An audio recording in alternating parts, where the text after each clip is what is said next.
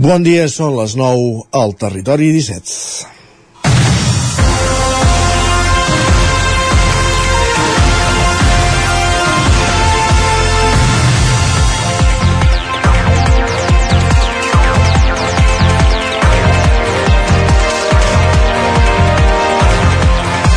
La setmana passada coneixíem els resultats de l'informe PISA que revelava el retrocés dels alumnes catalans en matemàtiques, ciències i lectura. Amb els resultats de l'informe, Catalunya queia a la cua de l'estat espanyol i els resultats representaven un retrocés en els 20 anys que els alumnes del Principat participen en aquestes proves. La primera reacció del govern, rectificada hores després, va ser parlar d'una sobrerepresentació dels alumnes immigrants en les proves. Primera patinada. Des del moment que formen part del sistema educatiu no podem diferenciar alumnes per la seva procedència. És més, hi ha el risc fins i tot fixant-nos només amb el nom de considerar immigrant algú que ha nascut aquí i parla un català impecable. Però entenent que el significat d'aquesta patinada és que el fill d'una família nouvinguda tindrà més dificultats per la barrera social i idiomàtica, és tasca del departament dotar les escoles de les eines i professionals perquè això no passi. I si les escoles fa anys que acusen falta de professionals i inversions, en la pèrdua de competències en matemàtiques, ciències i lectura hi juguen molts altres factors també. Un pot ser la falta de dotació de les escoles, com dèiem, però excloent de l'educació mestres i família, de l'equació mestres i famílies, que també juguen un paper important, s'apunta també cap a la manca d'atenció derivada en part de l'accés de pantalles. Ja hi ha qui advoca per tornar enrere i erradicar-les. No sembla tampoc la millor solució en un món cada cop més pantallitzat de la mateixa manera que no podem afrontar l'educació com es feia fa 40 anys perquè hem evolucionat, el que també està clar és que hem de trobar les maneres que evolucionant pedagògicament i tècnica els alumnes continuïn sortint de l'escola, els instituts i les universitats formats i preparats per afrontar els reptes de la vida adulta i aquí és on tothom hem de remar. Per moltes raons, però n'hi ha una de molt senzilla. No pot ser que, hi hagi, que qui hagi de formar les generacions del futur estigui menys capacitat que qui el va formar a ell. És dilluns, 11 de desembre de 2023 i passat el pont fent camí, que, fent camí amb dues setmanes laboralment íntegres cap a les festes de Nadal a l'hora de començar el territori 17 a la sintonia d'Ona Codinenca, Ràdio Cardedeu, la veu de Sant Joan, Ràdio Vic, el 9 FM també ens podeu veure, ja ho sabeu, a través de Twitch, YouTube, Televisió de Cardedeu, el 9 TV i la xarxa més. Territori 17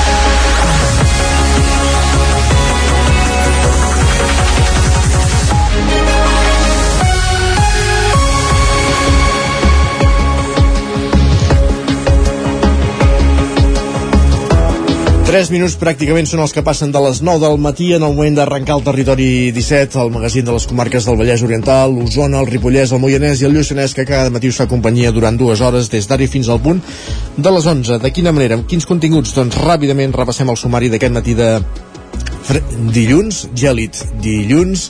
De seguida parlarem de temperatures amb en Pep Acosta. Abans però repassarem les notícies més destacades del matí a les nostres comarques i ho farem en connexió amb les diferents emissores que dia a dia fan possible aquest programa. També, com dèiem, saludarem l'home del temps en Pep Acosta des d'una Codinenca per repassar què ha donat de si el cap de setmana meteorològicament parlant i què esperem d'aquesta setmana. I després anirem fins al quiosc amb en Sergi Vives per repassar les portades dels diaris del, del matí a partir de dos quarts de deu, com cada dia pugem al tren, a la Trenc d'Alba amb l'Isaac Muntades recollint les, les cròniques dels oferts usuaris de la línia R3, aquella que està tallada en un tram per obres de desdoblament i que hi ha un servei alternatiu que funciona d'aquella manera. Acte seguit a l'entrevista anirem fins zona Codinenca amb en Roger Rams per conversar amb Ricard Grau, fill de Sant Feliu de Codines i una de les tres persones que hi ha darrere la plataforma Repoblem. De tot plegat en parlarem, com dèiem, a partir de dos quarts de, de 10 del matí i acte seguit eh, sortirem al carrer i ho farà també en Roger Rams, avui es duplica l'home eh, i, i amb ell parlem de, de pintura després a, a la connexió des de l'exterior. Notícies de les 10, la previsió del temps i com cada dilluns és torn pels esports, fent la roda esportiva dels dilluns, repassant què ha donat de si esportivament el cap de setmana, també en connexió per les diferents emissores del territori 17. A dos quarts d'onze ens endinsem ràpidament a Twitter i després tertúlia esportiva. Avui tenim molts tertulians que volen entrar a la tertúlia, no sé per què serà, Barça 2, Girona 4, el resultat del cap de setmana, el resultat d'aquesta passada nit, exhibició del Girona, un Barça que, que no va estar malament però que no va estar a l'alçada i que va perdent a Montjuïc va acabar perdent a Montjuïc davant el Girona 2 a 4, que ara és més líder després també de l'empat del Madrid al camp del Betis a segona l'Espanyol que empata amb un rival directe per l'ascens Espanyol 1, Saragossa 1 de tot plegat en parlarem a la tertúlia esportiva avui al territori 17 a la darrera mitja hora del programa i ara quan en passen 5 de les 9 sense més demora és moment de posar-nos al dia d'actualitzar-nos amb les notícies més destacades de les nostres comarques les notícies del territori 17 que no són altres que les notícies del Vallès Oriental, l'Osona, el Ripollès, el Moianès i el Lluçanès. Territori 17.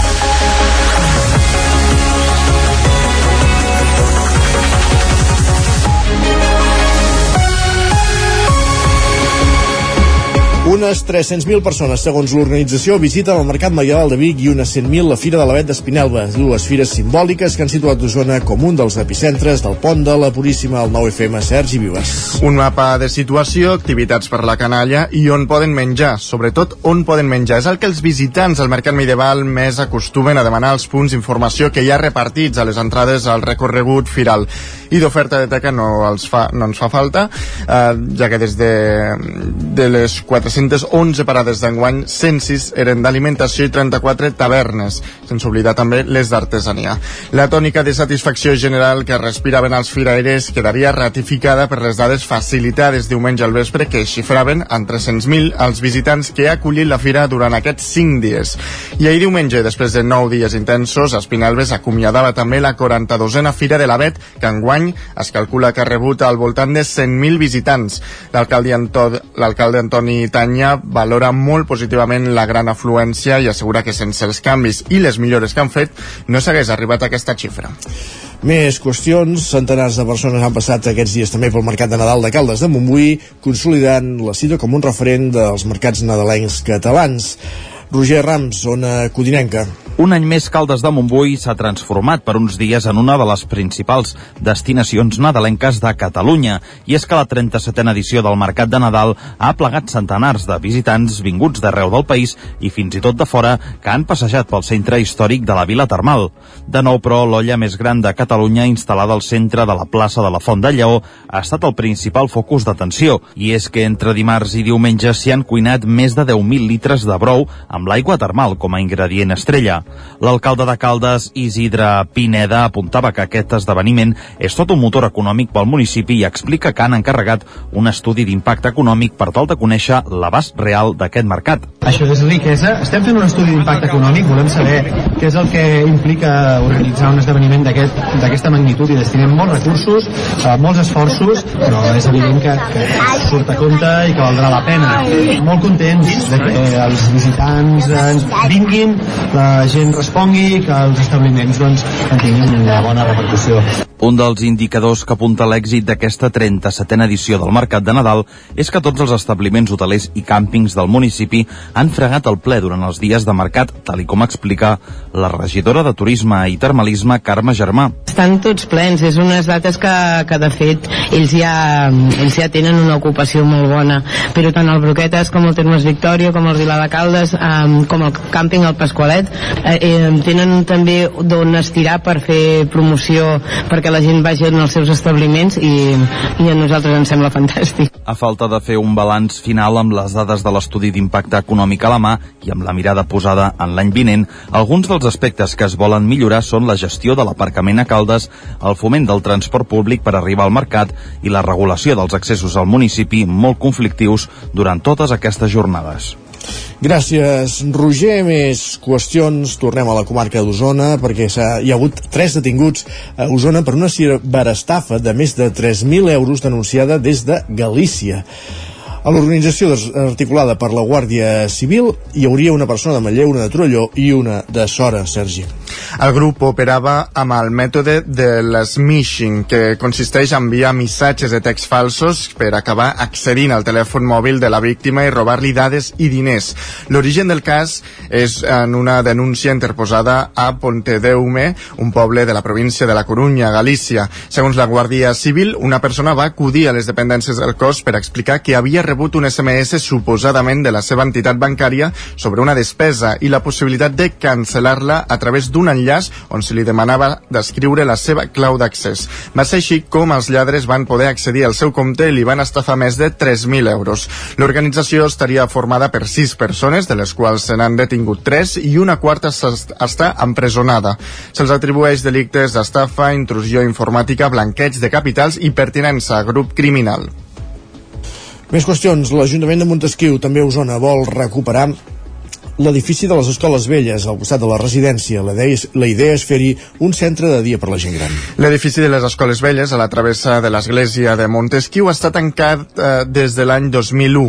Als anys 2000 i 2001 s'havia utilitzat una aula per a la llar d'infants, però des del 1993 no hi havia activitat escolar, ja que es va estrenar l'escola actual. Ara l'Ajuntament treballa per recuperar aquest immoble i donar-li un nou ús. El consistori està en converses amb el Bisbat de Vic, que n'és el propietari. Carles Colomón és l'alcalde. La idea és poder-lo utilitzar, doncs llavors eh, també poder negociar amb el bisbat doncs, a veure quina forma de gestió li podem donar en aquest edifici. La legislatura passada vam començar a parlar amb ells que hi havia dues fórmules que ells acceptaven, que era la venda directa a l'Ajuntament o llavors la cessió a llarg plaç, depenent de, dels diners que l'Ajuntament hi destinés, doncs a, a uns anys o uns altres. No? I a partir d'aquí doncs, estem estudiant a veure quines possibilitats hi ha de l'edifici. No va posar cap xifra en concret, el que s'hi va dir era que el preu de, de venda eh, llavors ells reinvertirien els diners a la parròquia de Montesquieu. O a l'església o al cementiri municipal. Un cop puguin disposar de l'edifici, al qual li caldrà una reforma, la idea és fer un equipament social per a la gent gran, com plantejava el grup de Som Montesquieu, que forma l'equip de govern al programa electoral. Fer-hi un centre de dia lligat amb, la residència als Tells, que està just aquí al costat, i poder donar tot una, una mica de, de centre assistencial en aquesta zona. La residència ha quedat petita, hi ha el servei de centre de dia dins de la residència, però els espais també són limitats i es necessitaria més espai, i bueno, també és un poble bastant envellit i que creiem que és un servei que cal donar i que també ajudaria molt doncs, a les persones grans a fer un primer pas abans de no passar a la residència. Un dels passos que ja ha fet el consistori és sol·licitar la declaració de l'espai com a bé cultural d'interès local, un fet que ha de ratificar el ple del Consell Comarcal. L'edifici es va construir entre el 1891 i el 1894 gràcies a donatius dels veïns i posteriorment s'hi van fer algunes ampliacions. Gràcies, Sergi. Anem cap al Ripollès. En parlàvem la setmana passada a l'entrevista. L'entrada de gossos de races potencialment perilloses al refugi d'animals tensiona l'espai de la infraestructura. Isaac Muntades, la veu de Sant Joan. El refugi d'animals del Ripollès està passant per un moment de sobrepoblació per l'arribada massiva de gossos de races potencialment perilloses, ja que aquest 2023 n'han entrat més d'una vintena i són animals que requereixen unes atencions diferents respecte a la resta de races. Aquest fet es produeix per un intent de canvi legislatiu que de fet no es va acabar aprovant tal com explicava el vicepresident quart del Consell Comarcal i conseller de Cooperació Municipal i el Pacte Comarcal d'Infraestructures, Enric Pérez. Hi havia un enduriment una mica de les condicions per tenir algun animal d'aquestes races de gossos potencialment potencialment perillosos i que consistien que qui ha de tenir un gos d'aquest tipus necessita una llicència, també ha de passar un psicotècnic, ha de tenir una assegurança per l'animal i aquest fet va provocar que comencessin a haver-hi gossos d'aquesta tipologia de races abandonats. El refugi d'animals és una instal·lació que es va inaugurar l'any 2010 i durant aquests 13 anys ha anat requerint diverses actuacions de manteniment. En el darrer mandat es va posar més el focus en la inversió anual i es va arranjar l'accés del camí a la instal·lació, ja que havent-lo encimentat facilita l'accés quan es produeixen nevades vegades. El problema és que les instal·lacions es fan petites i comencen a entrar gossos de races potencialment perilloses.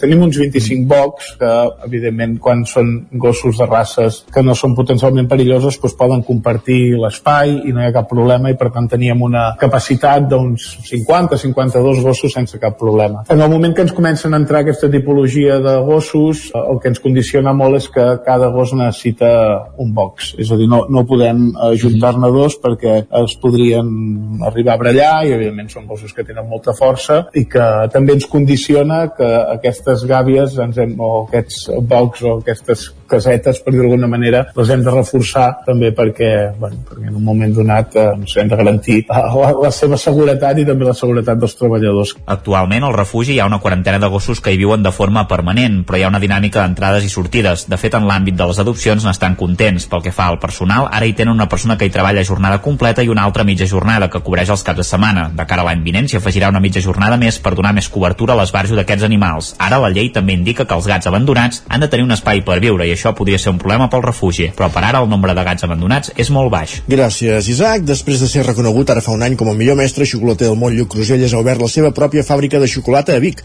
Consisteix en un obrador i una botiga on es fan i es distribueixen tots els seus productes sota la nova marca Eucaria. Eucària, sí, ho han dit bé. Sergi Vives, el 9FM. Tot plegat està situat al carrer Lleida de Vic, al Parc d'Activitats Econòmiques. I és que després de ser reconegut ara fa un any com a millor mestre de xocolata del món, com dèiem, creu que aquest nou projecte dona resposta a la confiança que ha dipositat el públic amb la seva feina. Aquest projecte neix després del, del World Chocolate Masters, sí que és una cosa que, que creiem que, que devíem una mica a tothom qui ens havia fet confiança doncs, a tornar en forma de, de producte aquesta il·lusió de, per la xocolata, aquesta il·lusió per, uh, per un bon producte de, de xocolata i aquesta nostra passió per, per intentar fer les coses de màxima qualitat però sobretot de màxima accessibilitat no? i això s'ha transformat en, en una marca que és Eucària Lluc Cruselles, una marca de productes de, de xocolata doncs, que té el punt de producció a, a casa que és, que és Vic, que és Osona i han començat amb la producció d'una quarantena de referències, tot fet a l'obrador situat a darrere la botiga que compta amb quatre línies de producció. Els productes, però, no es quedaran a Vic, ja que Eucària es distribuirà per pastisseries i botigues gourmet de tot Catalunya i d'Andorra, però també se servirà arreu d'Europa a través de la venda en línia. Tot i això, comprar la botiga física és, segons Cruselles, una experiència i hem intentat doncs, que venir aquí sigui una experiència des de que entres per la porta a, a com, te, com te tenem a la botiga tots plegats, com veiem el producte com el provem, però a més a més tenim una part que es veu la zona de producció també i pots veure realment com produïm aquests productes. Per tant hem intentat que venir aquí sigui una experiència. Les instal·lacions compten amb dues plantes i prop de 700 metres disponibles. A nivell de carrer hi ha la botiga, les oficines i l'obrador principal, mentre que la planta soterrani s'hi està habilitant el magatzem més una zona de packaging i expedicions. I un últim apunt per congratular-nos que Ràdio i Televisió de Cardedeu rep el Premi Sergi Mingote a l'Esport de Muntanya Inclusiu de la mà Donat Foundation pel seu podcast Els Cims Sentits. Enric Rubio, Ràdio i Televisió Cardedeu i, si no tinc mal entès, autor del podcast. Bon dia, benvinguts. Hola Isaac, sí, tant que sí, coautor, ara, ara us ho explico bé, així és. I deixen que et digui que estem molt i molt contents. El Premi Sergi Mingote està dedicat dins la Fundació Nat Foundation, com bé deies, a l'esport inclusiu, a la muntanya i l'alpinisme. El premi el vam recollir jo mateix i la Maria López, directora d'aquesta casa, de la mà de la parella i la filla del Sergi, reconegut alpinista català de Parets, que va morir el 2021. Qui no va poder ser va ser a qui ha ideat el podcast, precisament, la Susana Cabiscol, ja que es troba creuant l'Atlàntic a vela ara mateix en aquests moments.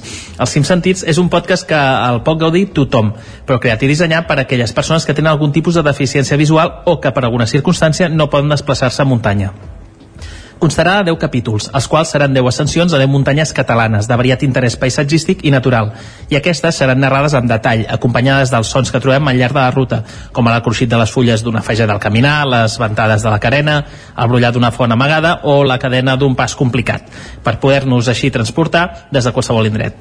Els locutors i guionistes dels Cim Sentits serem la Susana Cabiscol i jo mateix, i el seu enregistrament començarà aquest gener i es podrà trobar a totes les plataformes a partir de l'abril. Això sí que és per celebrar un premi abans de començar el projecte. Eh, enhorabona. Pim pam, ja ho veus. Enhorabona. Gràcies, Isaac.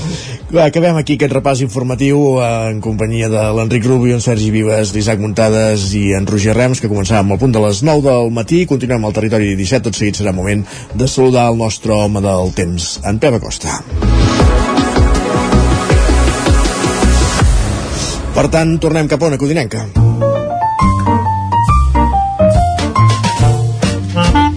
Casa Terradellos us ofereix el temps. Pep Acosta, com ha anat el cap de setmana, com es presenta aquesta? Benvinguts, bon dia. Hola, molt bon dia.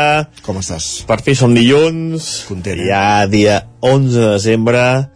Ja ha passat aquest pont.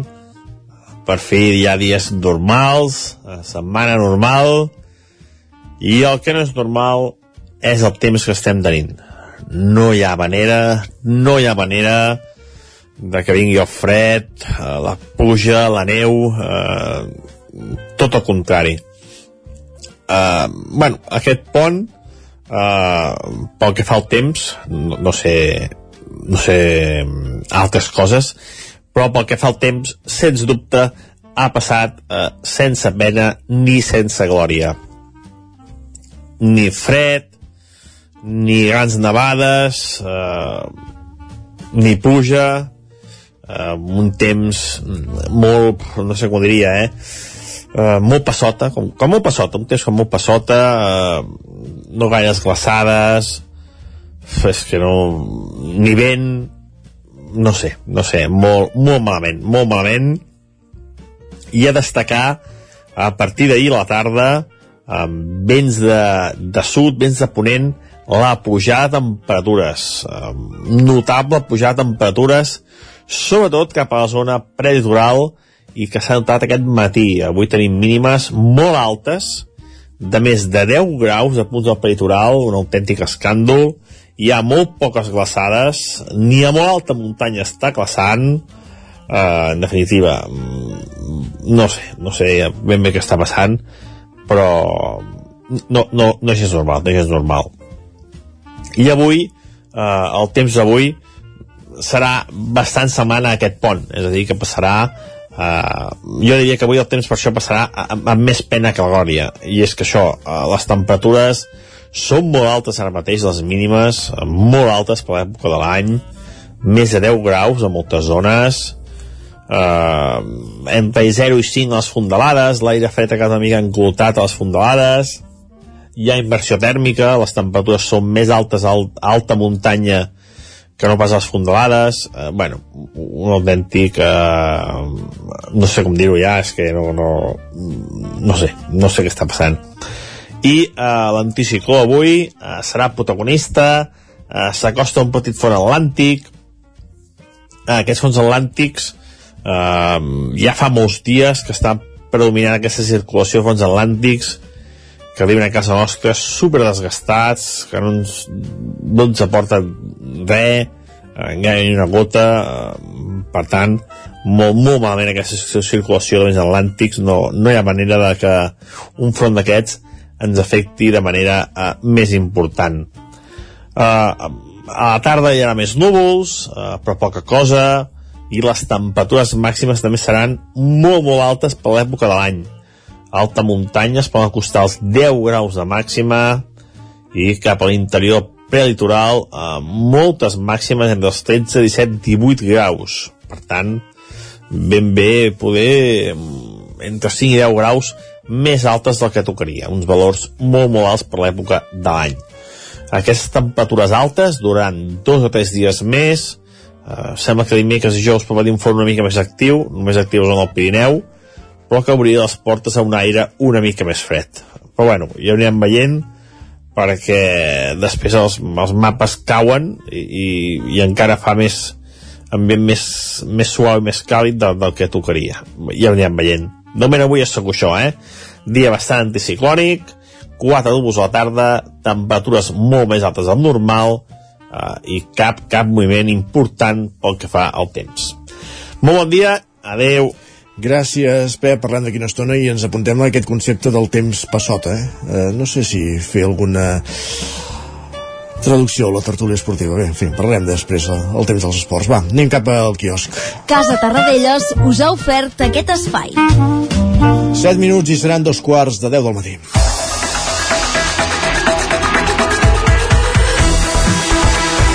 I és moment, Sergi Vives, al 9FM, de repassar les portades dels diaris del dia. Avui és dilluns, per tant, com, els, com cada dilluns i cada divendres, comencem repassant les portades del 9-9. Així és.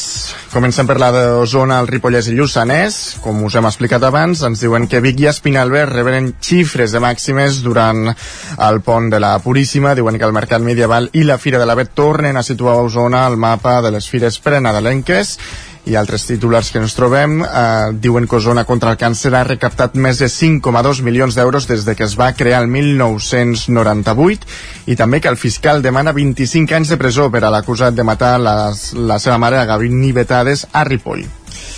Anem a repassar el 9-9 del Vallès Oriental d'avui dilluns. Ens diuen que la Generalitat garantirà amb un caixer mòbil el servei de banc a 12 municipis vallesans. Diuen que el Moianès se'n beneficiaran 7 de, dels 10 pobles de la comarca.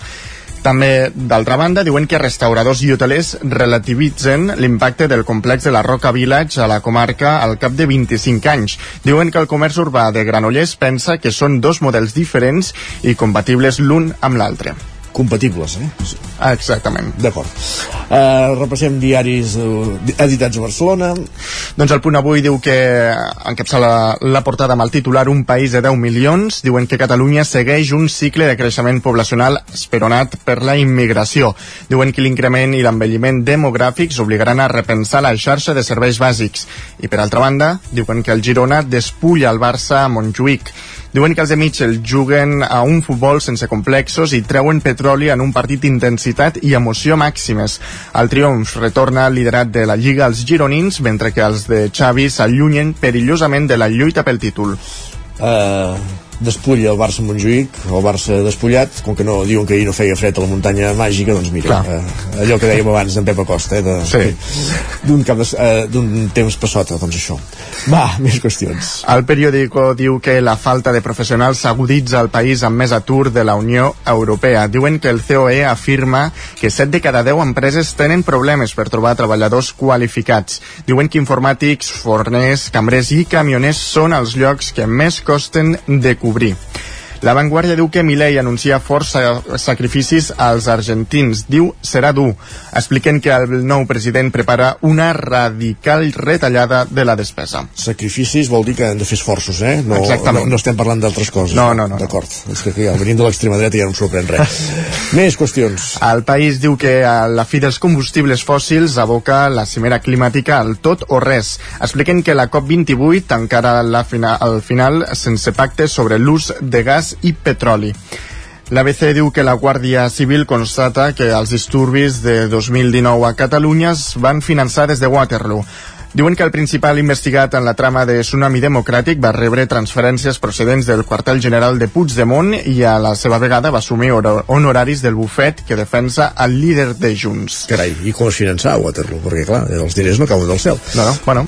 Va, més qüestions. I acabarem amb el Mundo, que diu que gairebé dos milions d'electors del PSOE s'arrepenteixen del vot a Sánchez. Diuen que el 22,4% dels que van recolzar el president a les últimes eleccions canviarien la seva papereta.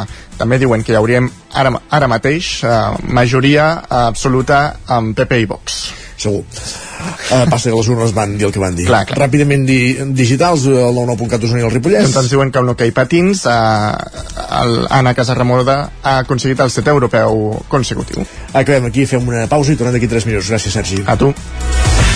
El nou FM, la ràdio de casa, al 92.8. Menja ràpid, menja fàcil, el trinxat de les Cerdanyes diu Carlit. Mmm, boníssim! Trinxat Carlit, 100% natural, fet cada dia a Puigcerdà i a punt en un minut. Encara et preguntes què t'emportaràs a la feina o a la uni per dinar? El trinxat de les Cerdanyes diu Carlit. M'encanta regalar llibres de la llibreria Mater. Tenen novel·les que et fan viatjar a mons desconeguts, poesia que et fa sentir cada paraula, assaig que et fan reflexionar i contes infantils que fan volar la imaginació dels més petits. M'agrada regalar agendes, quaderns, bolígrafs i calendaris de la llibreria Mater. Si busques un regal original, no busquis més. Tenen una àmplia selecció de regals de papereria que segur que els encantarà. Llibreria i papereria Mater, seleccionant el que farà feliç als teus des de 1957. Pla de Balanyà 23 de Vic. Per a qui seria perfecte aquest piano de juguetos? Per a nens que donin la nota. I aquest maletí de pintura? Pels que volen pintar alguna cosa a la vida. Jugar és viure. I viure és jugar. Vine a la teva botiga Juguetos i emporta't el catàleg de Nadal. Juguetos. Queda molt per jugar. Juguetos. Quan tingui un problema amb la seva caldera, vagi directament a la solució. Truqui sempre al servei tècnic oficial de Saunier Duval i despreocupis, perquè som fabricants i coneixem les nostres calderes peça a peça. I ara aconseguiu fins a 300 euros en canviar la caldera. Informeu-vos al 910 77 10 50 o a saunierduval.es. Situat en un entorn immillorable, envoltat de natura, a l'hostal restaurant La Guineu tenim la brasa encesa tot el dia per esmorzar, dinar o sopar a la fresca. Ja tenim a punt les opcions de menús d'empresa i per les festes de Nadal, Sant Esteve o Cap d'Any. Estem especialitzats en opcions vegetarianes. Hostal La Guineu. Ens trobareu a l'urbanització Les Guilleries de Viladrau. Obrim tots els dies. Amb Pradell estalvio energia i cuido la meva butxaca i el medi ambient. Posa't en mans de Pradell. Són experts en calderes de gas de condensació, estufes de pela, energia solar, terres radiants i aerotèrmia. Pradell instal·la aires condicionats amb bombes de calor per a particulars i empreses. Si vols estalviar un 50% en consum, contacta amb Pradell i passa't a les energies renovables. Pradell. Som a l'Avinguda dels Països Catalans 27 de Vic. Telèfon 93 885 1197. Pradell.cat Pradell us desitja bones festes.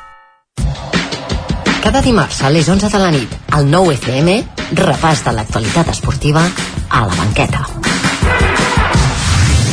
El 9 FM, el 9 FM, el 9 FM, el 9 FM. Territori 17.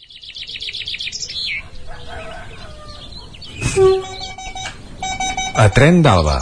Cada dia els usuaris i usuàries de la línia R3 de Rodalies que veuen sortir el sol des d'un vagó ens expliquen les gràcies i les penes del primer comboi que uneix Ripoll i Barcelona o les feixugues jornades amb el tren després de treballar.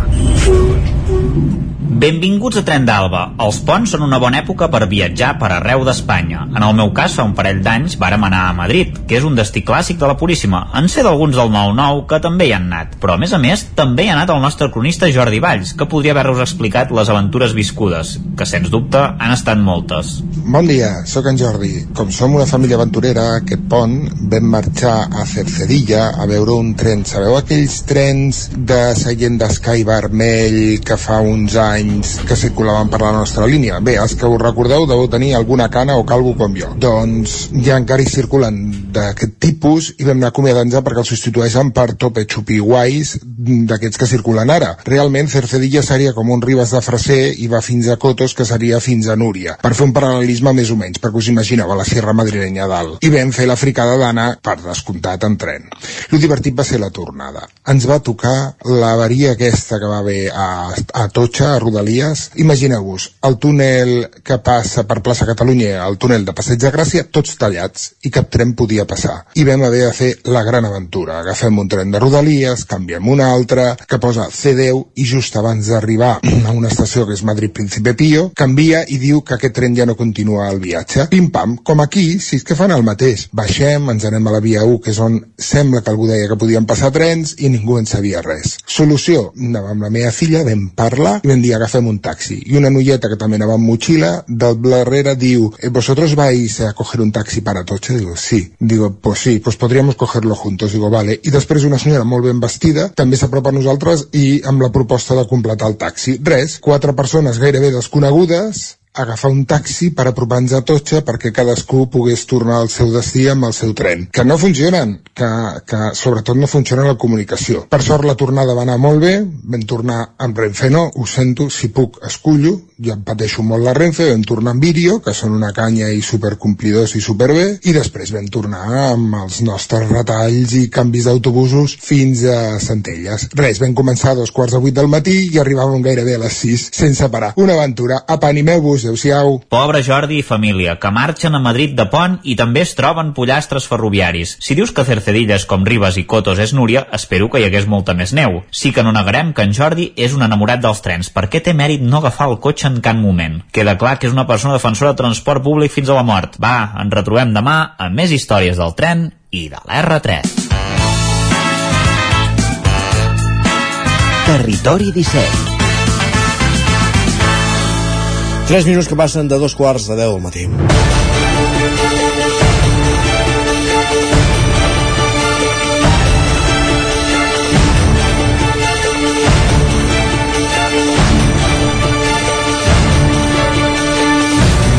Avui a l'entrevista anem cap a una codinenca per conversar amb Ricard Grau, fill de Sant Feliu de Codines i una de les tres persones que hi ha al darrere de la plataforma Repoblem, una iniciativa que combat el despoblament de les zones rurals del país. Aquest projecte està premiat amb el Premi Tatiana Sisquella, que entrega el diari Ara. Amb ell i que ha conversat, com no podia ser d'altra manera, en Roger Rams. Benvingut, Roger, bon dia.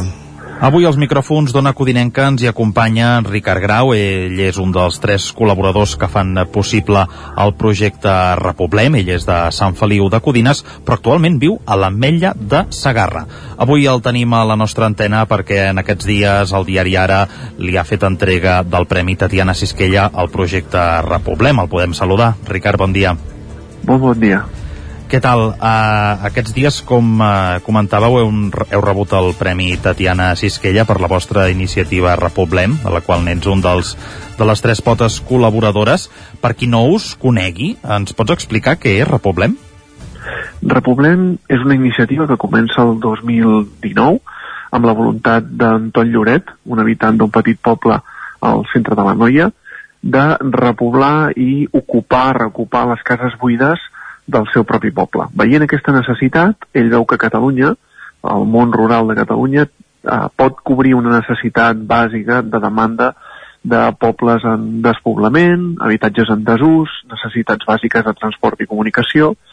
Veient això i veient que eh, moltes entitats de l'àmbit rural tenen la necessitat de difondre oportunitats de feina, espais laborals, cedir el seu habitatge, volia crear un canal a través de Twitter que fos útil uh, per arribar a les veus de tothom. I així va ser. I després de llavors han passat uns quants anys.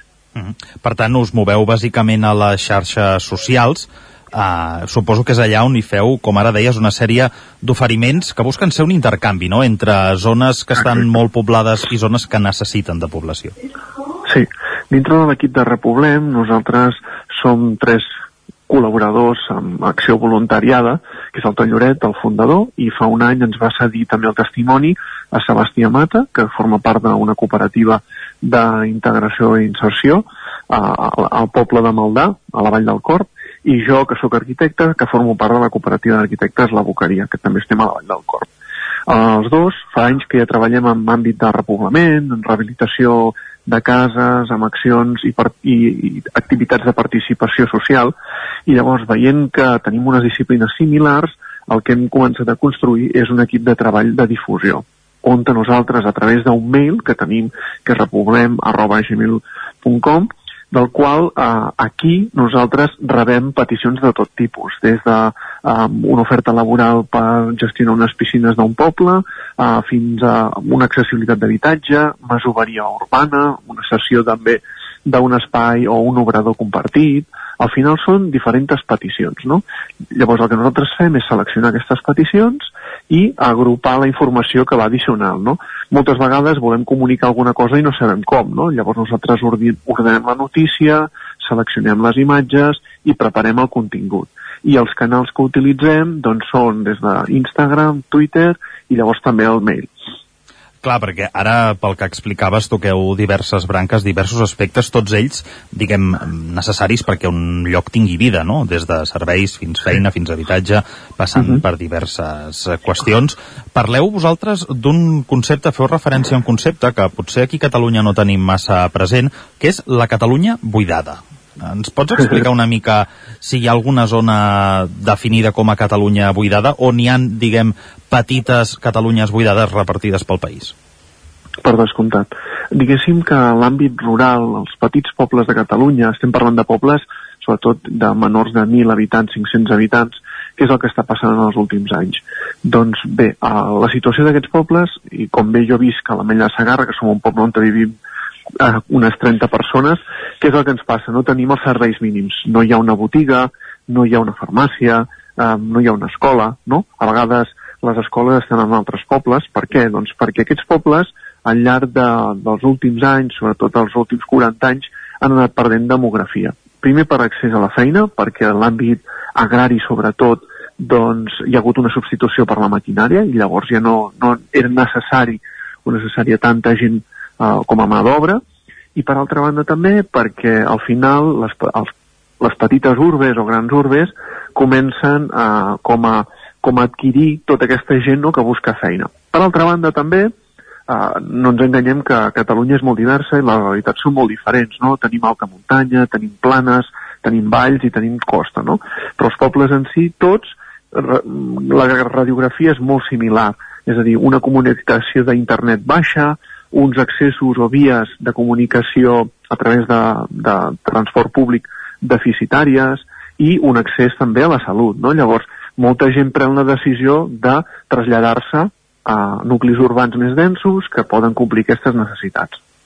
Clar, aquesta imagino que, que per moltes iniciatives que, que sorgeixin, com és el cas de la vostra, que, doncs que, que vol revertir no, aquesta situació, suposo que també des de l'administració vosaltres reclameu a l'administració que, que hi hagi canvis, no? perquè al final eh, vull dir, un canvi de vida d'aquesta eh, magnitud eh, suposo que no és fàcil, sobretot també per, per gent gran, gent amb nens, no? però, però clar, al final eh, també requereix mm, d'una certa infraestructura eh, tant a nivell de connectivitat com a nivell de, de carreteres, eh, transport públic. Sí. Clar, al final, jo sempre ho dic, no? que anar a viure a un petit poble és un acte reivindicatiu, no? és un acte una mica de, de risc, on tu eh, saps que la realitat d'anar a viure en un poble, en un entorn una mica més aïllat d'un nucli urbà més dens, doncs té les seves mancances, però també té les seves parts positives, no? El Covid també ens ha ensenyat moltes coses, ens han emmascarat on vivim, l'entorn que tenim, no? L'entorn social, econòmic i laboral, no? I moltes persones, com bé dius tu, doncs tenen la necessitat o voluntat de fer un canvi. Aquí es planteja un interrogant, no? La por de tindré feina, podré accedir a una casa, no? Tindré un entorn social construït. Llavors, el que fem amb Repoblem és intentar mostrar una radiografia. No volem ni, ni resoldre una problemàtica que evidentment és molt complexa, però amb aquesta radiografia ensenyem una realitat, i la realitat d'oportunitats, la realitat de poder accedir a diferents canvis de vida, no? I això, evidentment, és possible um, a través de les facilitats.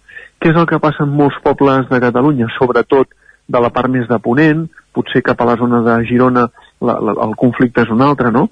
Però, per exemple, en l'àmbit de Ponent, que és on estem nosaltres, hi ha molta casa buida, en deteriorament, moltes famílies que posseixen aquestes cases, moltes vegades no les volen vendre perquè tenen un vincle emocional, no?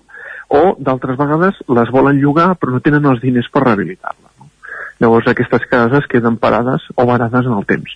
En l'àmbit més de la zona de l'Empordà, la zona de Girona, les zones de, no, de les valls de o no, tota aquesta zona d'aquí, quin el problema que tenen? Que el turisme substitueix l'habitatge. Llavors, no tenen les persones que hi viuen o les persones que es volen emancipar o anar-hi a viure accés a l'habitatge. Llavors, aquest també és una altra problemàtica. Llavors, nosaltres el que intentem eh, explicar a l'administració, que moltes vegades ens pensem que l'administració no, no, no té voluntat de canviar aquestes coses eh, sinó que l'administració propera, que són els ajuntaments, tenen molt pocs recursos. Realment tenen molt pocs recursos, amb tècnics en poques hores no? i amb subvencions molt petites per poder fer canvis radicals.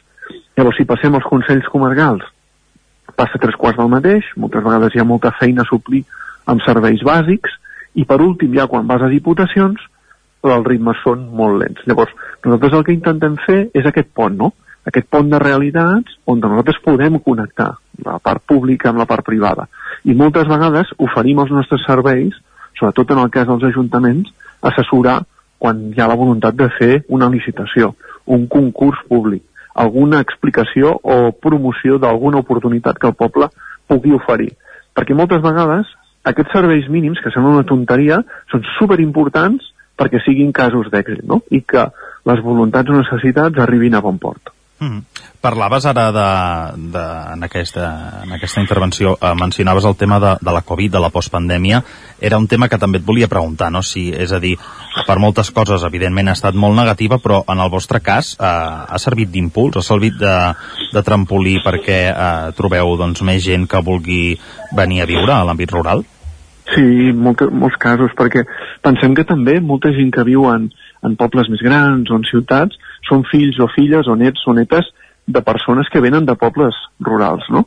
I moltes vegades hi ha aquestes segones residències, no?, que, que, que s'utilitzen un cop l'any o dos cops l'any, o, o, o hi ha persones que més, no?, però que de cop es descobreix que aquestes segones residències tenen un valor, un valor emocional i de la salut mental, no?, també del nostre entorn, amb la possibilitat d'accedir a la natura. Això és un primer pas. Llavors, altres coses que han passat és que famílies, parelles o persones valentes prenen la decisió de fer un canvi de vida, no? Aquesta és la part més agressiva, perquè tu quan canvies d'entorn, canvies d'entorn sense el teu entorn social, no? Llavors, El que hem d'intentar, i ho fem des de Repoblem, i d'altres associacions que nosaltres participem, és el fet de fer amable aquesta arribada, no? Que tu quan arribis, ser un nou vingut a vegades fa, fa certa fresa, llavors posar les millors de les facilitats perquè això sigui possible. I hi ha hagut, casos d'èxit. En Repoblem, nosaltres intentem sempre publicar aquests casos d'èxit i anar compartint noves experiències. I veiem que és una, que és una línia bastant interessant.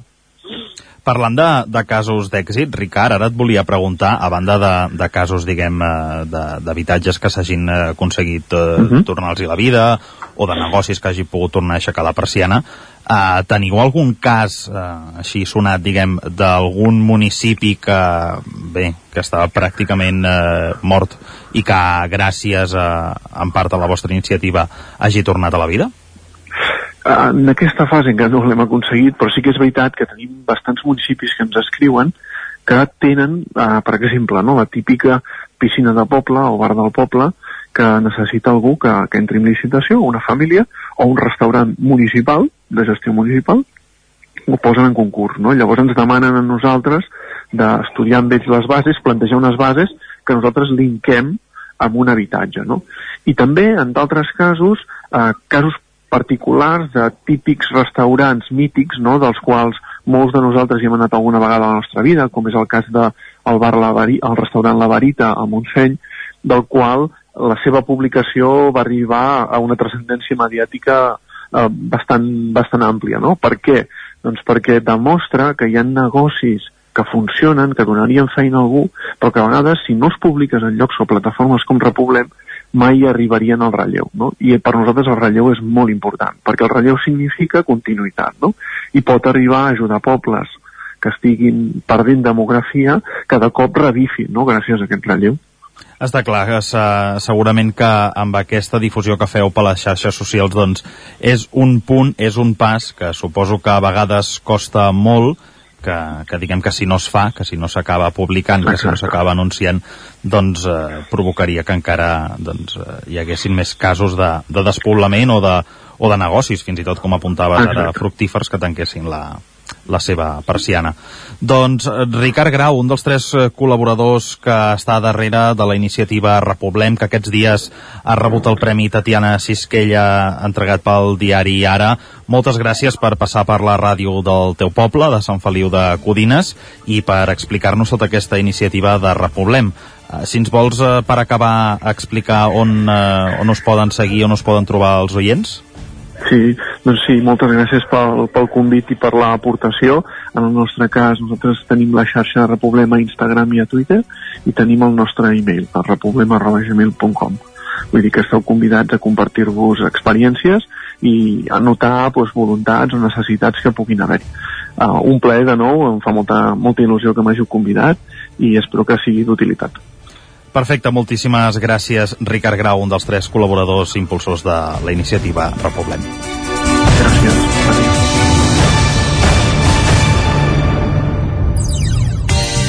Territori 17. Dos minuts que passen de tres quarts de deu del matí.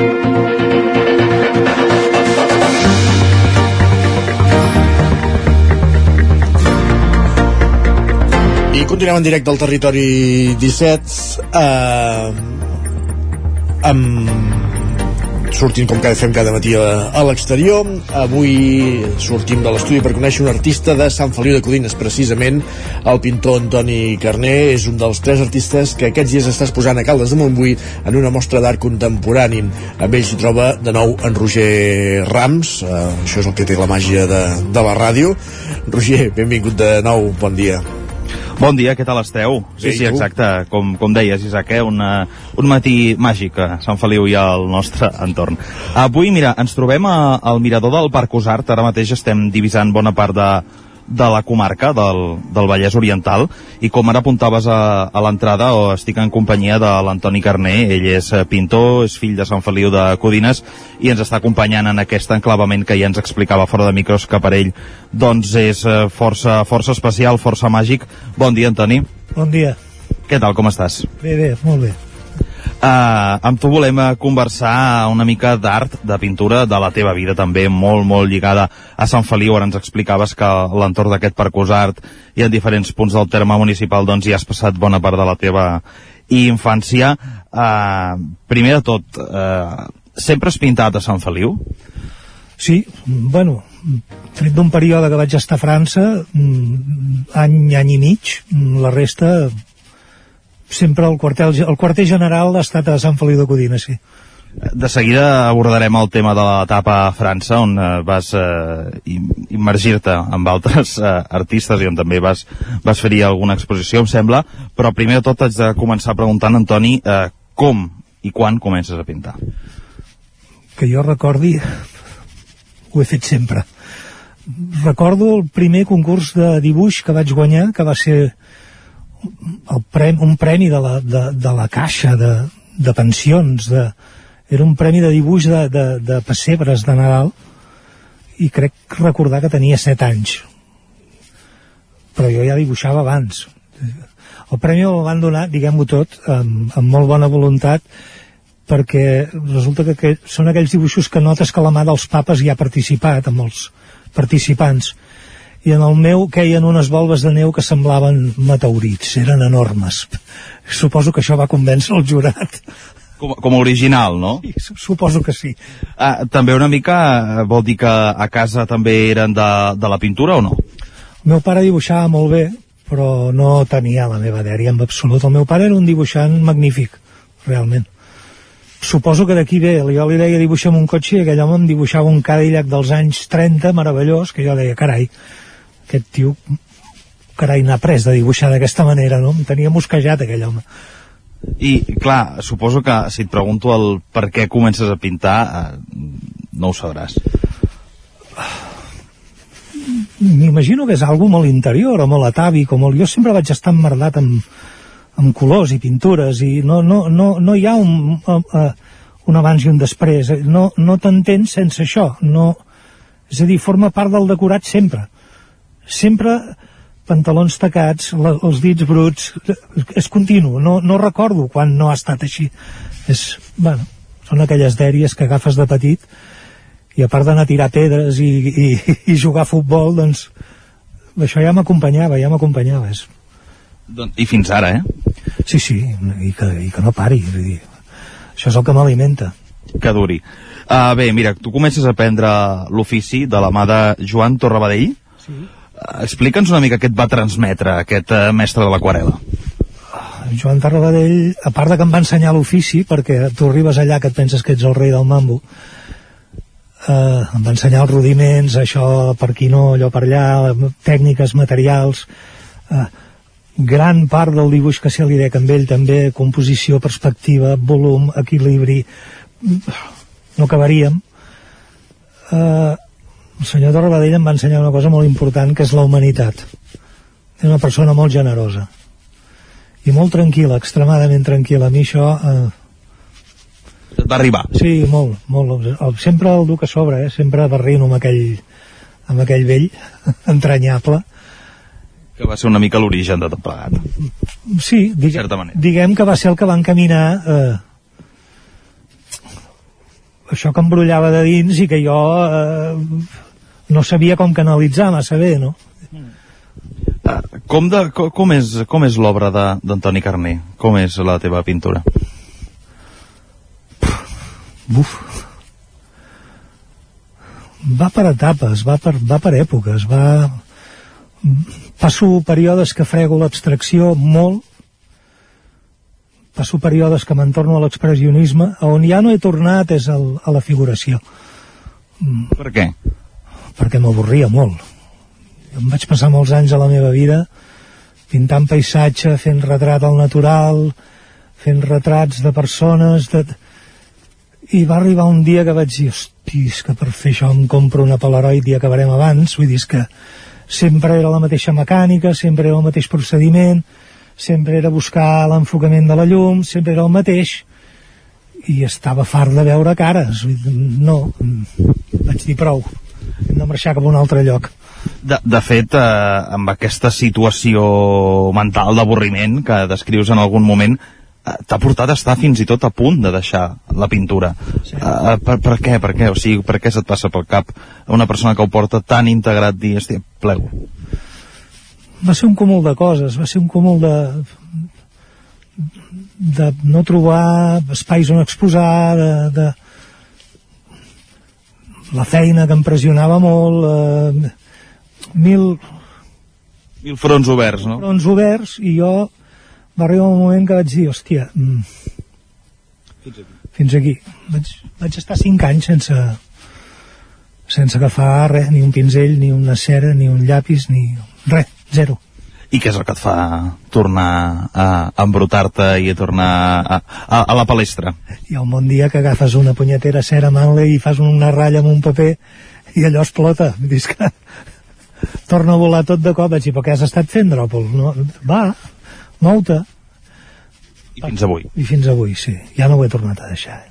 Déu nhi També ho apuntaves al principi, Antoni, has treballat fora de Catalunya una època, eh, de fet, a, la Catalunya del Nord, a Seret, un poble que té una vinculació amb Manolo Hugué molt important, també amb Picasso, de fet hi ha un museu Picasso allà, eh, a Seret, a la Catalunya del Nord. Què hi vas estar fent allà? Estàvem, el, el quarter general era Arles Sortec, amb un lloc increïble que són els tissaix catalans, no tinc constància ni de si existeixen encara i bueno, mal vivíem allà, provàvem de ser artistes amb el Robert Sanàs. Jo arribo a, a Saret eh, via eh, Carlos Mende d'un artista argentí que havia estat establert a Sant Feliu i que em proporciona un contacte per fer una exposició allà. Eh, conec el Robert Sanàs vaig a parar a casa seva, comencem a pintar eh, surt una altra exposició a, a Perpinyà. Bueno, en fi, que la cosa es va anar complicant i bueno, és una època divertida de la meva vida, vam passar molta gana. No, no, no, no donava la cosa? No, no, ens vam menjar molt els mocs, però bueno, ens ho vam passar molt bé. Érem joves i valents i no ens feia per res. I, i, i déu-n'hi-do la colla que us ho plegant allà, no? Sí, Perquè un argentí, un uh, català, so, hi havia també francesos per allà al mig. L'explosiu, realment, sí déu nhi També, ara mencionaves en Carlos Méndez, aquest artista argentí que va estar uns anys aquí a, a Sant Feliu. Uh, què què t'ha portat ell? Buf, gran amic. A més a més va ser una persona molt important en el moment en què jo provava de deixar la figuració i anar cap a d'altres cantons. Tot i que ell era... Ell practicava una certa figuració molt, molt molt esbiaixada ja, molt cap a d'altres mons, va ser el que em va obrir portes de tant de pintors que jo no coneixia com de com d'escriptors, com de poetes, hòstia, la poesia és un altre tema que hauríem de deixar, hauríem de parlar un altre dia d'això. Mm, ell va obrir, eh, va obrir finestres, va fer que passés l'aire i feia uns, feia uns assados argentins meravellosos. Per tant, tot ajuda, eh? Tot ajuda, tot ajuda. A veure, Antoni, encarem la recta final d'aquesta entrevista que recordem estem fent aquí des del Mirador del Parc Usart a Sant Feliu de Codines, eh, perquè actualment et trobem a l'Altell del Centre Democràtic i Progressista de Caldes de Montbui, un dels espais artístics més vius de, del poble veí de, de Caldes, amb una exposició internacional amb el japonès Ikuo Matsumoto i amb l'italià Giovanni Lombardozzi. Eh, explica'ns una mica com és eh, la, la cosa de tenir una exposició internacional a Caldes i que hi tinguis presència. La cosa va començar en broma a través d'una aplicació del mòbil que es diu Instagram. Eh, en Giovanni contacta amb mi em diu que li agrada molt el que faig. Jo s'afardejo la seva pàgina i constato que el que fa és un expressionisme boig i salvatge que, que dic endavant, magnífic i em presenta el Ikuo Masumoto i decidim que hem de fer alguna cosa a cost zero, és a dir, eh, no tenim un duro, som pobres com rates. Eh, com ho fem? Al cap d'uns mesos de parlar-ne i de debatre i del Giovanni ens explica que ha trobat una església desacralitzada a Roma, al barri de Tivoli, que ens la deixen per fer-hi una expo, que enviem obra. No contents amb això, enviem l'obra per correu ordinari, perquè no tenim un duro per enviar-la com Déu mana, i l'enviem en el benentès que si arriba bé i si no arriba doncs no passa res. Aquesta és la primera exposició del grup Transhumança com a tal. Mm. Uh, Aquests dies esteu a Caldes fins al 18 de desembre, sí. per tothom qui vulgui venir doncs és entrada lliure a l'hotel del, del centre. Uh, tu hi has portat uh, en total 5 obres, sí. algunes d'elles de rigorosa actualitat, eh? Sí, què, sí. què hi has portat? De l'últim mes. Dues peces, una al voltant és que és difícil parlar de pintura per la ràdio. I més si no la tens davant, eh? Exacte. Una eh, és al voltant de la poesia d'en Papa Seit, que no sé per què, però sempre torna. Papaseit és un autor que he rellegit molt. Que sempre el tens amb tu. I sempre m'acompanya, sí, no sé per què. És un dels meus preferits, n'hi ha d'altres, eh, però... I l'altre quadre és, eh, és La Madonna de la por, aquest té títol i tot,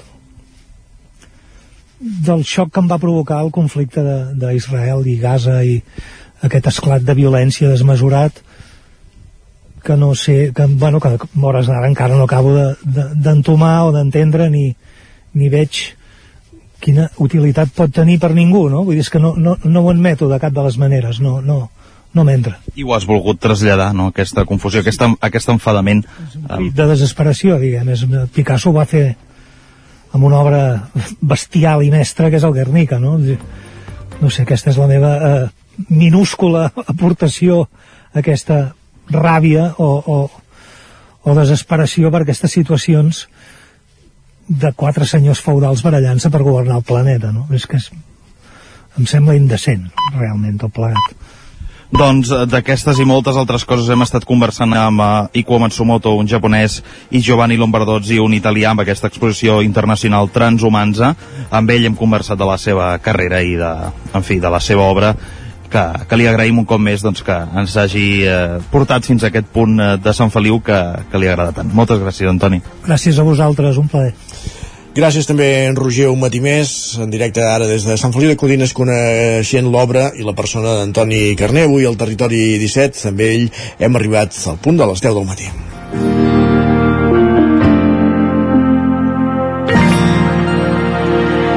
Per tant, si són les 10 notícies al Territori 17. Territori 17.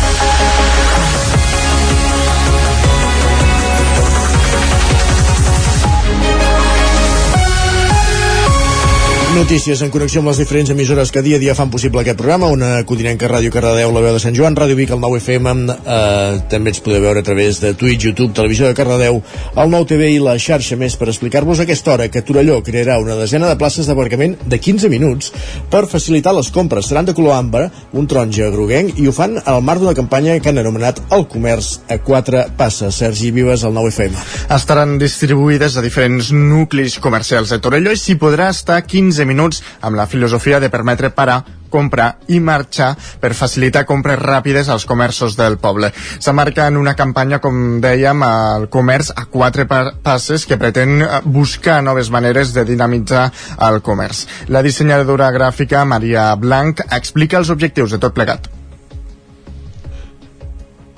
Fomentar l'ús de l'anar a peu, per tal de poder arribar als comerços passejant, és a dir, això és una de les premisses que ens agafem, i l'altra, crear una intervenció al poble que doni visibilitat i qualitat als espais d'aparcament existents, és a dir, no ens anem a inventar res, sinó a transformar-ho una mica, no? I a, i a fer-los visibles i, i donar-los aquest punt de, de valor en, en qualitat i llavors un tercer objectiu també és una mica fer aquest conjunt d'entendre el poble com un centre comercial. També es marcaran de color ambre les places de pàrquings com els de l'antiga Vitri, encara que en aquest cas els cotxes, com ara la zona blava actual, hi podran parar una hora i mitja per poder fer compres tranquil·lament i passejar. També es pintaran els accessos i se'n millorarà la il·luminació. Per portar a terme la campanya s'ha volgut vincular el comerç i el talent creatiu per la qual cosa es va encarregar tres torellonenques de perfils creatius diferents la dissenyadora gràfica Maria Blanc, la interiorista Marta Mir i l'arquitecte Anadot. Marcel Ortuños, l'alcalde de Torelló. Amb intervencions d'aquest tipus i, i, i buscant doncs, aquesta part creativa i sumant sinergies i nous enfocs, doncs aconseguim el que sempre tenim present, que és eh, que Torelló continuï sent un poble dinàmic, amb, amb comerç. Parlem molt d'urbanisme pensant en places i carrers, però hem vist una vegada que pràcticament el comerç és una part de, de l'urbanisme, no? perquè un poble amb comerç o sense comerç la gent es mou i es relaciona molt, molt diferent. En el marc de la campanya repartiran rellotges per als vehicles amb la doble opció de 15 minuts i d'una hora i mitja. També se sortejaran 10 carros de la compra de color ambre amb sorpreses a l'interior. La idea és fomentar les compres a quatre passes durant tot l'any. M'hi intueixo que hauran d'ampliar aquests 15 minuts, bàsicament perquè en 15 minuts no arribes a la botiga, eh, fas la cua i fas la compra. Bàsicament, Així és, eh? sí, sí. eh, ho veig poca, poca estona. La voluntat és molt bona, però veig que els 15 minuts són pocs. Més qüestions, va.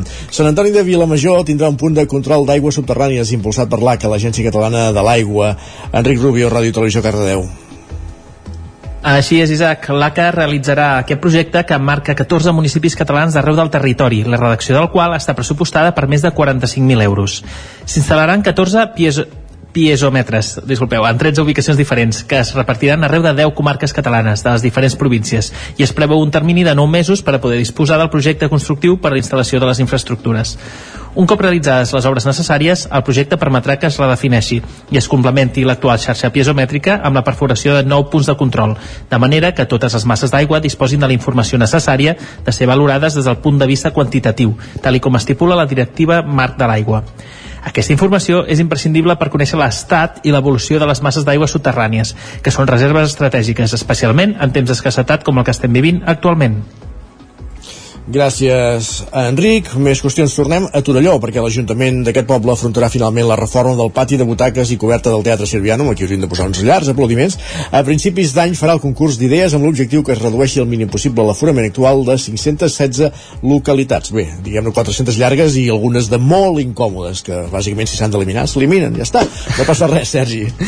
Ah, mira, que les butaques del Teatre Sirvianum de Torelló són estretes i que les persones més altes s'afanyen a agafar les localitats de la fila 10 o les que s'ubiquen al costat de les escales no és cap secret 29 anys després de la reforma integral de l'equipament. Després de diversos mandats en què governs dels diferents colors han posat sobre la taula la renovació del pati de butaques, finalment s'han engegat els engranatges que ho han de fer possible. Marcel Ortuño tots sabem que, que hi ha el tema aquest de comoditat, que això és un tema que, que sempre ha estat pendent d'abordar, però ara, evidentment, s'hi afegeix també doncs, el fet de que eh, ja portem més de 25 anys usant aquestes butaques i, per tant, també hi ha el fet de, de la renovació necessària només pel, pel desgast de, de l'ús. Al darrer ple es va aprovar una modificació de pressupost per incloure la redacció del projecte que valdrà uns 195.000 euros, de manera que a principis d'any ja es podrà fer el concurs d'idees que definirà com serà i quantes localitats hi cabran. Ara en són 516 i es preveu que se'n perdin patim una falta d'espai, de, que aquest tema s'ha de resoldre, les butaques han de ser còmodes, però que es poden trobar solucions que facin un ventall eh, bastant ampli en quant a, a places. Evidentment, es sacrificaran places, però un centenar jo crec que no les perdrem. El pati de butaques ara està sobre un forjat que alhora està fent, diguem, de, de sostre del foyer del, del teatre i aquest forjat per la part de la sala té una graderia que és la que s'ha d'enderrocar i fer-la de nou amb unes grades més àmplies per poder eh, separar les butaques i tenir més, més comoditat.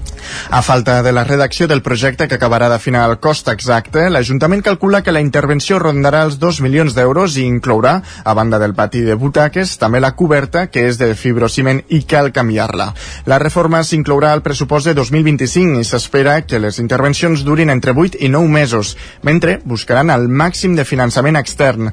La idea és que les obres estiguin acabades d'aquí a dos anys, coincidint amb el centenari del teatre que es va inaugurar al 1925. Gràcies, Sergi. Anem cap a, tornem cap al Vallès Oriental perquè Sant Feliu de Codines celebra una trobada oberta amb els veïns en la que tant l'Ajuntament com la Comissió de Festes han exposat les seves conclusions sobre la festa major amb la voluntat de recollir opinions. Roger Rams, zona codinenca.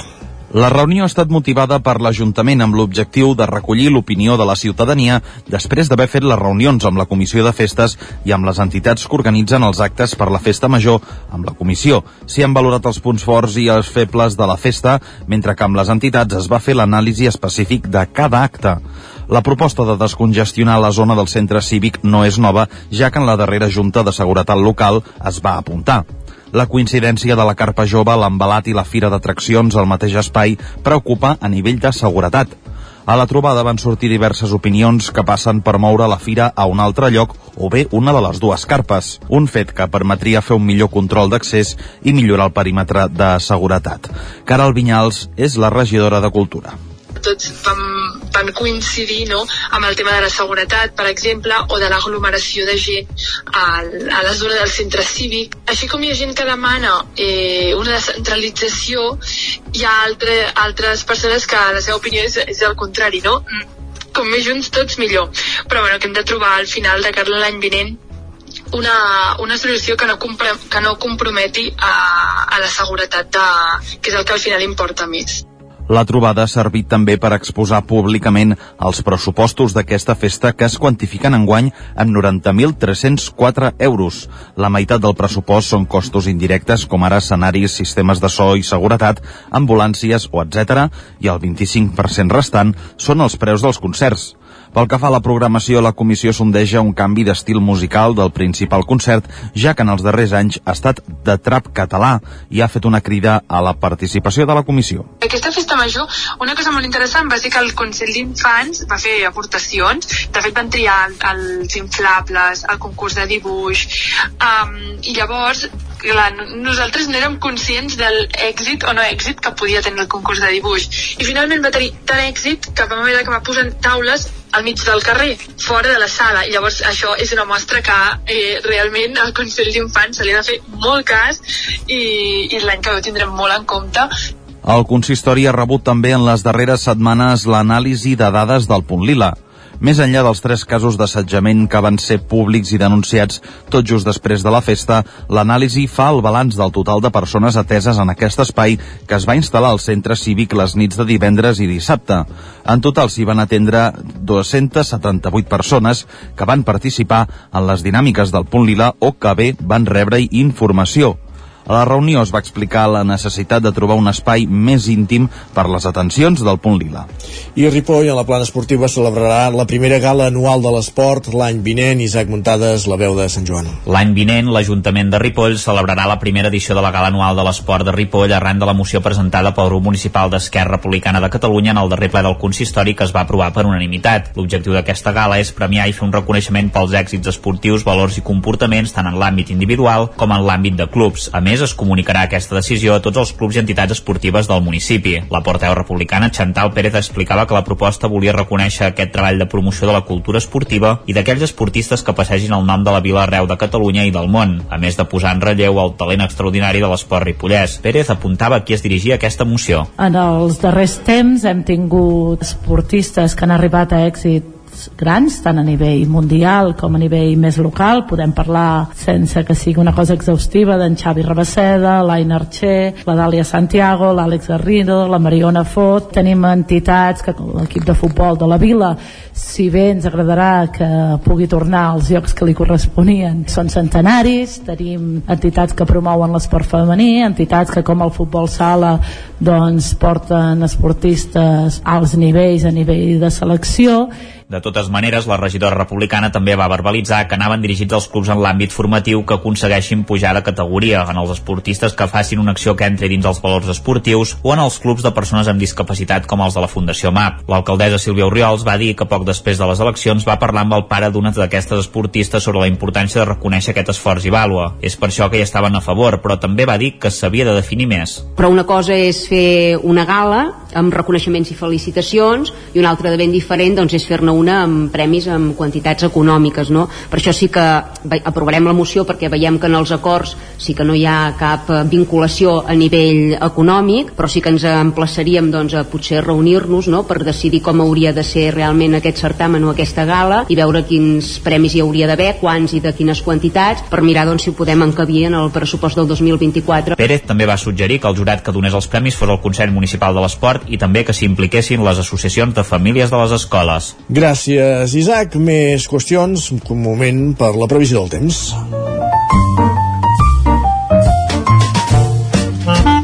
Casa Terradellos us ofereix el temps. Tornem a una codinenca Pepa Costa. Quin temps farà aquesta setmana? Benvingut, bon dia. Hola, molt bon dia. El temps d'avui serà bastant setmana a aquest pont, és a dir, que passarà Uh, jo diria que avui el temps per això passarà amb, amb més pena que glòria i és que això, uh, les temperatures són molt altes ara mateix les mínimes, molt altes per l'època de l'any. Més de 10 graus a moltes zones. Uh, entre 0 i 5 a les fondalades l'aire fred a cada mica enclotat a les fondalades. Hi ha inversió tèrmica les temperatures són més altes a alt, alta muntanya que no pas les fondalades, eh, bueno, un autèntic, eh, no sé com dir-ho ja, és que no, no, no sé, no sé què està passant. I eh, l'anticicló avui eh, serà protagonista, eh, s'acosta un petit font atlàntic, eh, aquests fons atlàntics eh, ja fa molts dies que està predominant aquesta circulació de fons atlàntics, que viuen a casa nostra super desgastats, que no ens, no ens aporten res, eh, ni una gota, eh, per tant, molt, molt malament aquesta circulació de atlàntics, no, no hi ha manera de que un front d'aquests ens afecti de manera eh, més important.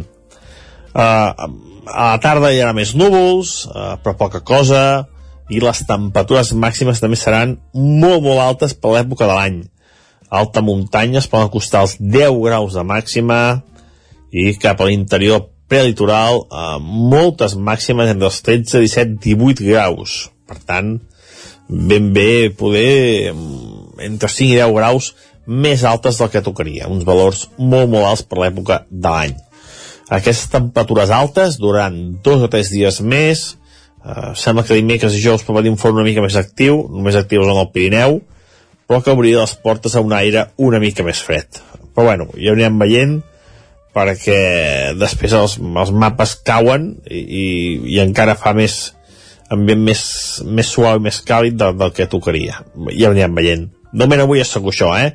Dia bastant anticiclònic, 4 núvols a la tarda, temperatures molt més altes del normal eh, i cap, cap moviment important pel que fa al temps. Molt bon dia i fins demà. Doncs Adeu. A, a Osona, a la plana de Vic, com que ens hem llevat amb boira, també ens hem llevat amb temperatures gèlides, que pel que ens diuen Pepe, aniran pujant durant el dia. Uh, continuem al territori 17, temps pels esports. Casa Tarradellas us ha ofert aquest espai. Mig minut que passa d'un quart d'onze del matí.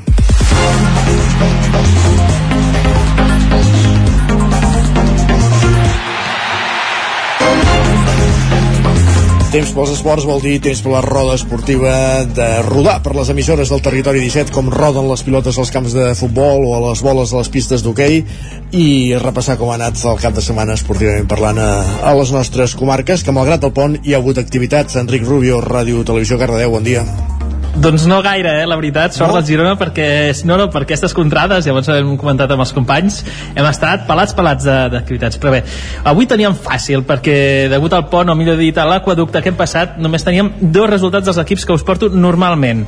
Ja però és que ni així, Isaac, dos partits, dues derrotes. Sort que avui la tertúlia donarà per molt amb el somni que està vivint el Girona i, i, bueno, i el Pol, que el tinc per aquí darrere, que ara... Sí, sí, està eufòric. Vindrà... Eh? Avui ja ha demanat hora per, anar per venir al tertúlia. Home, ha sortit a TV3 inclús, amb la pancarta, imagineu-vos. Ah, sí, imagina't, imagina't. Sí, sí, sí. Va, comencem que és breu i ho farem amb el bàsquet. I és que qui sí que ha jugat ha estat el Granollers, que va perdre divendres contra el Satintina es Castell per 66 a 85, així que com podeu veure pel resultat no va ser per poc i dit i fet uh... van forts aquests menorquins, eh? també van superar el Vic fa setmanes sí, sí, sí, sí, sí, correcte és un equip que jo sincerament no, no coneixia fins fa gaire i ostres, ho està, ho està, ho està donant tot.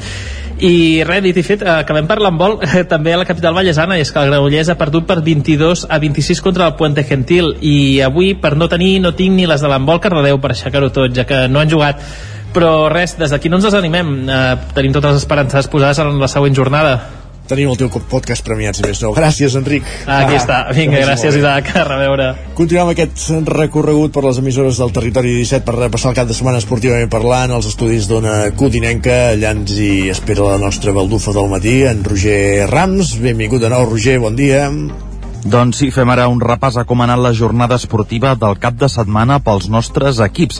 En un cap de setmana sense competicions de futbol a nivell català, per tant parlem d'hoquei patins, perquè l'hoquei lliga masculina, el primer equip masculí del rec amb les arcaldes ha aconseguit aquest cap de setmana una victòria de molt valor i amb remuntada inclosa ha estat aquest dissabte al vespre en la dotzena jornada de Lliga per 4 a 3 contra el Voltregà. Els usonencs van començar dominant el partit amb dos gols matiners i, de fet, el Voltregà va ser capaç d'arribar al descans guanyant per 0 a 2. En la represa, però, el Caldes va canviar totalment el plantejament del partit i va estar capaç de capgirar-lo i acabar-se imposant per aquest 4 a 3. Amb aquest resultat, el Caldes se situa 11 amb 14 punts a la classificació, mentre que el Voltregà és setè amb 17. La competició es reprendrà ja el proper mes de gener. A l'Hockey Lliga Plata Nord, el Sant Feliu també va guanyar el seu partit. Ho va fer per 4 gols a 2 a casa davant el Dominicos Gallec. Els codinencs van dominar des de l'inici el partit i van superar el conjunt de la Corunya tant en joc com al marcador. Amb aquest resultat es certifica que el Sant Feliu ha estat capaç de canviar la mala dinàmica amb la que van començar la temporada i ara són quarts a la taula amb 15 punts, acumulant ja 5 victòries en els darrers 8 partits de Lliga. I pel que fa al primer equip femení d'Alcaldes, a la tretzena jornada de la Lliga Nacional Catalana va aconseguir ahir diumenge una victòria per 2 a 3 a la pista del Vilassana, mentre que les noies del Vigas van jugar dissabte a domicili i també van guanyar per 3 a 1 davant el Mataró. Gràcies, Roger, i continuem aquest recorregut al Ripollès, a la veu de Sant Joan, l'Isaac Muntades, té els resultats dels equips ripollesos del cap de setmana, de l'activitat que hi ha hagut. Isaac, benvingut de nou, bon dia. Bon dia, Isaac. Sí, de fet, um, singular el resultat, perquè bàsicament aquest cap de setmana no, no teníem uh, el futbol ni tampoc el, el futbol sala, tenim l'hoquei a la Nacional Catalana, a la Lliga Nacional de, Catalana, perquè l'hoquei Club Ripoll sí que va jugar i va aconseguir guanyar el seu partit contra l'Igualada, això el situa ara mateix a, a la sisena posició amb 22 punts, pràcticament ja s'ha acabat eh, la primera volta, queden un parell de partits i de moment està en una situació immillorable, doncs com a mínim per intentar lluitar per, per l'ascens i, i aquesta temporada no patir tant per a la categoria, perquè està doncs això, eh, per sobre de la, de la mitja taula. Eh, dir que en aquest partit contra l'Igualada eh, li va costar perquè va anar perdent per, per 0 a 2 eh, durant el, el primer temps en què l'Igualada doncs, eh, es, es va avançar i de fet van fallar fins i tot un penal i, i una falta directa. Tant Enric Monge com Jaume Ferrés no van estar encertats. I, i després sí que el Ripoll va aconseguir doncs, empatar amb un doblet de Monge i la victòria doncs va arribar al final del partit en què Jaume Ferrés, doncs qui si no, perquè és el, és el crac del Ripoll, doncs després d'una sèrie de rebots doncs va, va notar aquest tercer gol que li dona aquesta victòria i ja us dic, eh, l'Hockey Ripoll realment a casa està sent bastant imparable, em sembla que només ha perdut un partit i la resta són tot victòries, per tant eh, està cimentant aquí una bona temporada i a veure si pot eh, aconseguir doncs, eh, aquest ascens que sens dubte seria un, un gran èxit per l'hoquei ripollès. Històric, perquè l'any passat van pujar nacional catalana Exacte. i després de dues temporades plantejar-se ja arribar a la plata, doncs el que Lliga Plata seria molt meritori realment. Exacte. Gràcies, Isaac. Fins ara. A vosaltres. I continuem aquest recorregut amb la Laia Miralpeix des del nou FM per repassar els resultats dels equips usonencs que hagin jugat el cap de setmana, perquè veiem la cosa se centra en l'hoquei, no hi ha hagut pràcticament futbol. Laia? No, així com que parlava ara del, del Ripoll i ja parlàveu, ens sumàveu ja l'hoquei plata, el que fem és repassar els tres equips usonencs que, que juguen en aquesta categoria. Uh, bones notícies pel Tarell i pel que van guanyar els seus respectius partits, el Tarell a l'hoquei Lliga Sud, que Lliga Plata Sud, podem dir, per 8 a 4 davant a la, Cor, a la Covendes, la Corcón.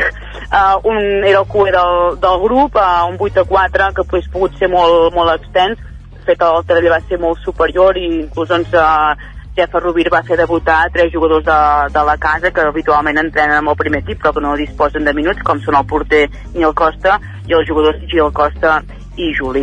Ah, per tant, una victòria plàcida, com la que també va tenir el Vic a la pista del conjunt gallec de Lubians, que es van posar per una 5, el Vic que situa ja tercer, i era un partit molt còmode que de seguida es va començar amb un 3-0 molt ràpid i que ja doncs, el, el conjunt gallec ja no va tenir res a, a dir. En canvi, doncs, més males notícies pel Manlleu, que encadena tres derrotes consecutives, un Manlleu que no va estar uh, de sort de cara al gol i que va perdre per 4-2 a, a la pista del Sant Cugat. També protagonisme al cap de setmana per, anava a dir la selecció eh, espanyola d'hoquei femení, però en concret per una jugadora usonenca.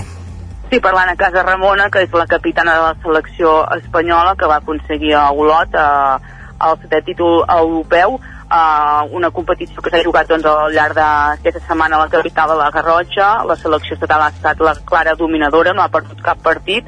Anna Casa Ramon ha tingut molt protagonisme i a la final va marcar, per exemple, el quart gol de la victòria que va, que va aconseguir a, eh, contra Portugal. És el setè títol, com deies, d'Anna Casa Ramon, el setè títol consecutiu també pel combinat estatal que, que porta vuit títols i per tant doncs, eh, reina l'Anna Casa Ramona en aquesta competició. Uh -huh. uh, dèiem que s'havien aturat les competicions de, de futbol però no la, la Lliga Femenina de, de la, on competeix el, el, el, Vic, el Vic Riu primer. Sí, aquelles coses de, del calendari que mai no entens perquè aquest va ser l'últim partit de, de l'any 2023 pel Vic Riu primer Refo a la tercera ref femenina i ho va fer amb una derrota al camp del Son Sardina a Palma de Mallorca, un Vic que d'aquesta manera trenca la bona dinàmica que portava de 6 victòries i 3 empats consecutius i de 7 jornades consecutives amb la porteria a 0. Uh, va perdre 2 a 0 en un partit en què el Vic primer va ser, va ser superior però va estar negat de cara a porteria, en canvi les locals en van tenir prou amb un xut creuat al quart d'hora de joc i un de penal a la segona part per emportar-se'n la, la victòria. Podem repassar altres disciplines de, o altres competicions que hi hagi hagut el cap de setmana? El bàsquet, també va haver-hi Lliga Bàsquet, la Lliga, eh, el Bàsquet Vic, la Lliga EVA, que no, no acaba de, de sortir d'aquest pou en què ha entrat el, el Club Bàsquet Vic, el conjunt de Sergio Fortes, que va encaixar la cinquena derrota consecutiva a la ciutat d'Inc, que va perdre per només un punt de diferència, 84-83. De fet, aquesta va ser la tònica del partit, un partit molt igualat, però que quan entres en mala dinàmica en un altre eh, ocasió segurament el Vic hagués aconseguit aquest girar i emportar-se la victòria doncs aquest dissabte no, no hi va haver-hi manera i va acabar perdent, com deien, d'un punt de, de diferència. Tots els duels amb les illes cauen del cantó illenc, eh? perquè el bàsquet Vic va perdre a Escastell, ara dèiem que el Granollers també ha perdut aquest cap de setmana a Escastell, i els dos eh, equips que han jugat a, aquest cap de setmana a Mallorca, també, eh, tant el Vic Riu primer com, com el bàsquet Vic, com ara apuntaves, Laia. Però de Fàbiors no, no ha provat aquest cap de setmana. Està clar. Algun apunt més? Només a la Lliga Catalana d'Hockey Patins també, que ens l'hem descuidat, el, el Manlleu que va caure a semifinals davant el Palau, que va ser el campió de la Lliga Catalana, aquesta competició que recordem que s'ha fet eh, aprofitant l'aturada de l'Hockey Lliga Femenina, i, i per tant doncs, el Batlleu que era l'únic usonenc que havia arribat a, aquesta final a 4 a semifinals va caure dissabte contra el Palau i l'Hockey Lliga Femenina que es deu reprendre ja el proper cap de setmana? Aquesta de setmana torna a la competició i tant el Manlleu com el Voltregà ho faran a, jugant a casa. Perfectíssim, doncs moltíssimes gràcies Laia, eh, diem fins ara perquè avui també eh, tindrem, eh, estaràs, ens acompanyaràs la tertúlia esportiva, fins ara. Fins ara. I nosaltres que continuem al territori 17, tot seguit una petitíssima pausa, re, 3 minutets i ja tornem de seguida amb les piolades de les últimes hores que ha recollit en Guillem Sánchez a Twitter, a X, eh, segurament eh, moltes d'elles relacionades amb aquest derbi d'ahir al vespre a Montjuïc entre el Barça i el Girona, que va caure de la banda gironina per 2 a 4, que situa el Girona líder en solitari a la classificació de la primera divisió amb dos punts més que el Madrid, 7 més que el Barça i que serà també un dels serà també l'epicentre de, de la tertúlia d'avui aquí al territori 17 de la tertúlia esportiva amb la qual arribarem al punt de les 11 amb, com sempre amb el Lluís de Planell amb l'Isaac Muntades eh, amb avui també un Pol Grau la, la Laia Miralpeix eh, per parlar d'aquest duel d'ahir a Montjuïc i de la situació de, de la Lliga ara mateix. I també podrem parlar d'aquest empat entre dos equips de, que aspiren a tornar a primera divisió com són l'Espanyol i el Saragossa en aquest cas empat a un a la segona divisió un partit partit que es va disputar divendres al vespre. De tot en parlem, com dèiem, a la darrera mitja hora del territori 17, ara però una petita pausa i tornem primer amb les piolades amb Guillem Sánchez i acte seguit amb la tertúlia esportiva. Fins ara mateix. El nou FM, la ràdio de casa, al 92.8. Menja ràpid, menja fàcil, el trinxat de les Cerdanyes diu Carlit. Boníssim! Trinxat Carlit, 100% natural, fet cada dia a Puigcerdà i a punt en un minut. Encara et preguntes com t'ho faràs perquè els nens mengin verdura? El trinxat de les Cerdanyes diu Carlit. Arriben les festes més especials de l'any i des del nou FM us ho volem dir d'una altra manera. Des de Boi Galtés, al carrer Jaume I de Vic, els nostres millors desitjos. De part del sabater de Manlleu, que estem a dalt vila, molt bones festes. De part de Piscines Martí, que som el polígon Mas Galí de Gurb, salut i gaudir de les festes. Des de Set Park, que estem a la carretera de Roda de Vic, els millors desitjos per al 2024. Per a seria perfecte aquest piano de juguetos? Per a nens que donin la nota. I aquest maletí de pintura? Pels que volen pintar alguna cosa a la vida. Jugar és viure. I viure és jugar. Vine a la teva botiga Juguetos i emporta't el catàleg de Nadal. Juguetos. Queda molt per jugar. Juguetos. M'encanta regalar llibres de la llibreria Mater. Tenen novel·les que et fan viatjar a mons desconeguts, poesia que et fa sentir cada paraula, assaig que et fan reflexionar i contes infantils que fan volar la imaginació dels més petits. M'agrada regalar agendes, quaderns, bolígrafs i calendaris de la llibreria Mater. Si busques un regal original, no busquis més. Tenen una àmplia selecció de regals de papereria que segur que els encantarà. Llibreria i papereria Mater, seleccionant el que farà feliç als teus des de 1957. Pla de Balanyà 23 de Vic.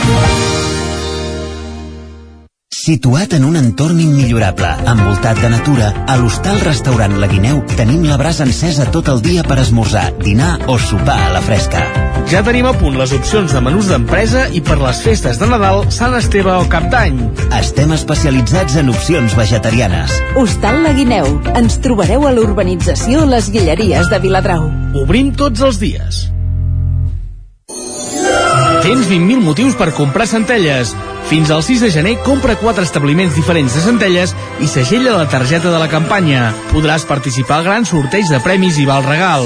Hi ha 600 premis d'entre 10 i 50 euros per guanyar i 1.000 euros més repartits en premis de 200, 250 i 300 euros. Aquest Nadal compra centelles. Tens 20.000 motius per fer-ho. Aquest Nadal fem consum local.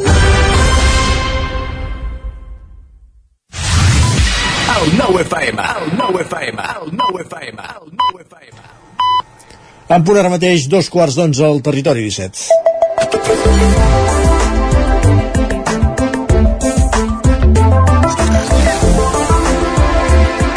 Guillem Sánchez, benvingut, bona setmana, bon dilluns. Què tal, com estem? Bé, i tu? Doncs amb molta energia. Molta energia, com la de- dels jugadors del Girona, vols dir això? Més que la que portaven, em sembla, els, els de l'altre equip català de, primera divisió. El segon equip català de Perquè primera ja, divisió. ja, no, no, ja no pots anomenar-lo. Ja no, ja sí, no els del Barça. Ah, entès. Els del Barça. No, perquè ningú s'ofengui. Ah, ningú s'ofengui aquí, que tenim tots la pell molt fina. També és cert. També és cert. I més a Twitter. Va, anem a repassar alguna de les, de les Som-hi. pilades que ens ha deixat. Per exemple, l'en Josep, que ens diu els jugadors del Girona tenen nivell per jugar al Girona. Diu, els del Barça potser no tenen nivell per jugar al Barça. Jo, jo la reflexió que feia ahir és que eh, hi ha jugadors que el Girona els fa bons i hi ha jugadors que el Barça els fa dolents. És, és que... És que mira, per aquí va, em sembla l'altra piulada que ens fa l'Andreu, i ens diu, vaig enviar-li un missatge a Miguel Gutiérrez per explicar-li com és Barcelona i ensenyar-li la maqueta del nou Camp Nou. Passa que llavors és quan el frustrem, eh? Home, ja va sonar l'any passat també, al final de la temporada passada, que si el Barça fitxava l'Arnau Martínez també, i, i això, si hagués vingut, suposo que hagués agafat la línia dels jugadors del Barça actuals, per tant tampoc ens hagués, ens hagués servit. No hi aprofundirem en, en quina és aquesta línia? I no sé si eh, tocarà obrir també el capítol Xavi, Aviam. Isaac. Ui, ui, ui. Va, llegim en Manel, que ens diu És una llàstima perquè Xavi potser podria haver estat un bon entrenador per al Barça. Ja ho diu com si ja no ho fos, eh? Diu, si hagués arribat amb més experiència en lligues de veritat i perquè has cremat una llegenda per sempre i no en tens tantes. Diu, per això ja no s'aguanta. Ai, ai, ai, ai. Es menjarà els torrons o què? Si més no, si, si els han, pensa que si els van a comprar la Fira del Torró de Gramunt, que la van fer fa dos mesos, segur, perquè ja els té. Va, i en Marc ens comparteix també una bona reflexió des del punt de vista barcelonista. Ens diu, ens perjudiquen els equips tancats, els que fan la pressió alta, el sol, la gespa, els àrbitres, la premsa, el calendari, les seleccions. Diu, potser el que realment ens hem de plantejar és que el que ens perjudica és aquest esport i apuntar-nos a la Lliga de Curling. Carai. No sé si ho faríem millor o pitjor, eh? La Lliga Pensava que com diria la Kings League, però ja ni això, eh? Ostres, és que potser hi ha massa nivell també per allà, eh? Va, i en Pau ha estat llest aquí i ens comenta diu, serà dur llegir el titular del 324 rotllo els germans Roca anuncien que faran un biquini de maracuyà i ratafia amb la cara de Mitchell. ja estem esperant moltes coses aquests dies amb la cara de Mitchell amb els colors del, del Girona. Però va, deixem futbol i parlem d'altres temes, no, Isaac, també? Va, què- va ja, que has som, ja que som Nadal, s'ha obert també un- s'ha obert un debat molt interessant. Aviam. Ens diuen, per què us compliqueu la vida anant a buscar el tio al bosc? Diu, i ara també amb l'americanada de l'Elf on the Shelf, que això jo no sé què vol dir. Diu, no, no en teniu prou amb quadrar Pare Noel i Reis? molta feina, eh? Molta feina per Nadal. Sens dubte. I la Marta ens exposa, diu, doncs a casa el tió el tio ha vingut dins d'una bossa d'Ikea. Diu, val que la petita té 12 anys i la gran en té 49, però és que ell en té 46 i ve com pot. Diu, som feliços de tenir-lo a casa i sobretot perquè és el mateix tio que m'acompanya des dels meus 3 anys. És perseverant i a mi em sembla que m'estimi i tot. I s'ha dir també que aquests dies la gent està exposant la duresa del que és tornar a fer feina un dilluns després d'uns dies de, de pont i ens diuen, disculpeu, la cua per plorar perquè és dilluns, quina cua és? Isaac, no sé si tu has agafat amb, amb ganes aquest dilluns, després Com dels dies de sempre. festa o què? Com sempre, pensa que són dues setmanes senceres ara i entrem a les setmanes de Nadal, que també són així. Per tant, és millor pensar el que et queda per endavant i no pas el que ve de darrere, no? Home, per descomptat, això sempre. I en Marc ens confirma, Sempre i en Marc ens confirma el següent, diu tornar de passar el pont a casa dels pares vol dir que no he de fer la compra fins després de Nadal. Va, ha tornat carregat de tàpers, ja ho veig. Jo entenc que sí. Ara també has de tenir prou tàpers per poder emportar-te tot el que et deuen haver donat, que això és O l'altre. també prou nevera perquè t'hi càpiguen tots els tàpers. O prou congelador per poder congelar-ho tot Carai, i poder-ho descongelar quan realment toqui. Va, i una observació de l'Èlia que ens fa de bon matí. Diu, la gent que teniu paciència per revisar que la feina estigui ben feta, com us ho feu? Bueno, és qüestió de paciència, és qüestió de professionalitat, no? Senzillament. Va, per aquí ja està, no? Jo diria que sí. Va, i amb aquest missatge també la veritat és que m'he sentit molt i molt identificat. La Margalida que ens diu tancar la porta d'un cotxe que no és el teu amb la força necessària és un esport de risc. Mm, sí. Sí? Pot passar. Eh que sí? Va, i ja m'ofereixo voluntari també per fer de conillet d'Índies en referència a la següent piulada i última idea d'avui. Diu, avui provaré de fer arròs de muntanya amb camagrocs. Doncs que va. em diguin l'hora, que em diguin el lloc, jo em Ja, presento ja. allà i demà us dic a veure Ajudar-lo com... a fer-lo o, no? No, a provar-lo directament. A fer-lo ja... Ja no tinc pas ni ganes, Isaac. Gràcies. Va, que vagi molt bé. Bon cap de setmana. Fins demà.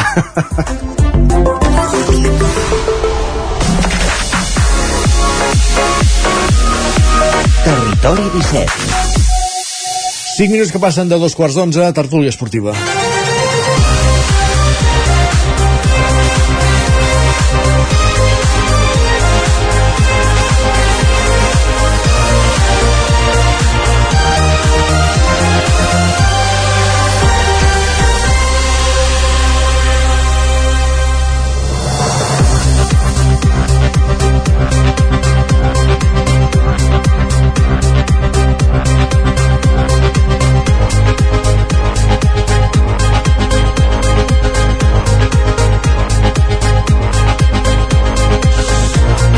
Doncs tertúlia esportiva després d'aquesta jornada de Lliga amb l'empat del Madrid al camp del Betis que aprofitava el Girona per posar-se líder en solitari després de guanyar Montjuïc Barça 2 Girona 4 en parlem tot seguit en companyia de l'Agustí Danés de Lluís de Planell, de l'Isaac Muntades de la Laia Miralpeix i d'en Pol Grau, ben retornat Pol, bon dia a tots Ai, te'n Pol.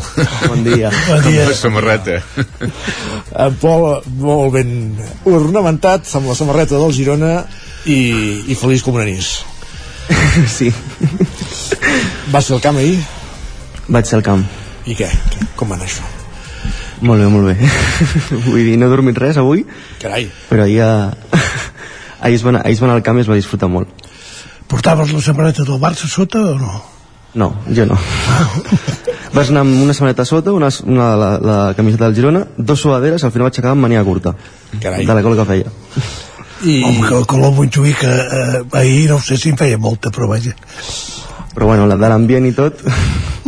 I on, I on estaves? Estaves allà a la zona dels visitants o barrejat pel mig de, dels seguidors? No, estava barrejat del mig, estava, estava al, des del córner, a un córner a sisena fila. I què, vas patir en Sí, algun home. moment o no ho vas veure clar tota l'hora? Jo anava amb la intenció, o sigui, anava ja eh, cregut, pensat, eh, amb el nivell de... Podia, podia, era el, si era l'any que podíem guanyar, era aquest l'any que podíem. Però vam marcar l'1 a 1 i vaig dir, bueno, 1 a 1 es pot fer. I el, després l'1 a 2, l'1 a 3, i el vam marcar el 2 a 3 vaig dir, bueno, se'm va encongir tot i vaig dir, aquí ja ens marquen el 3 a 3 i adeu.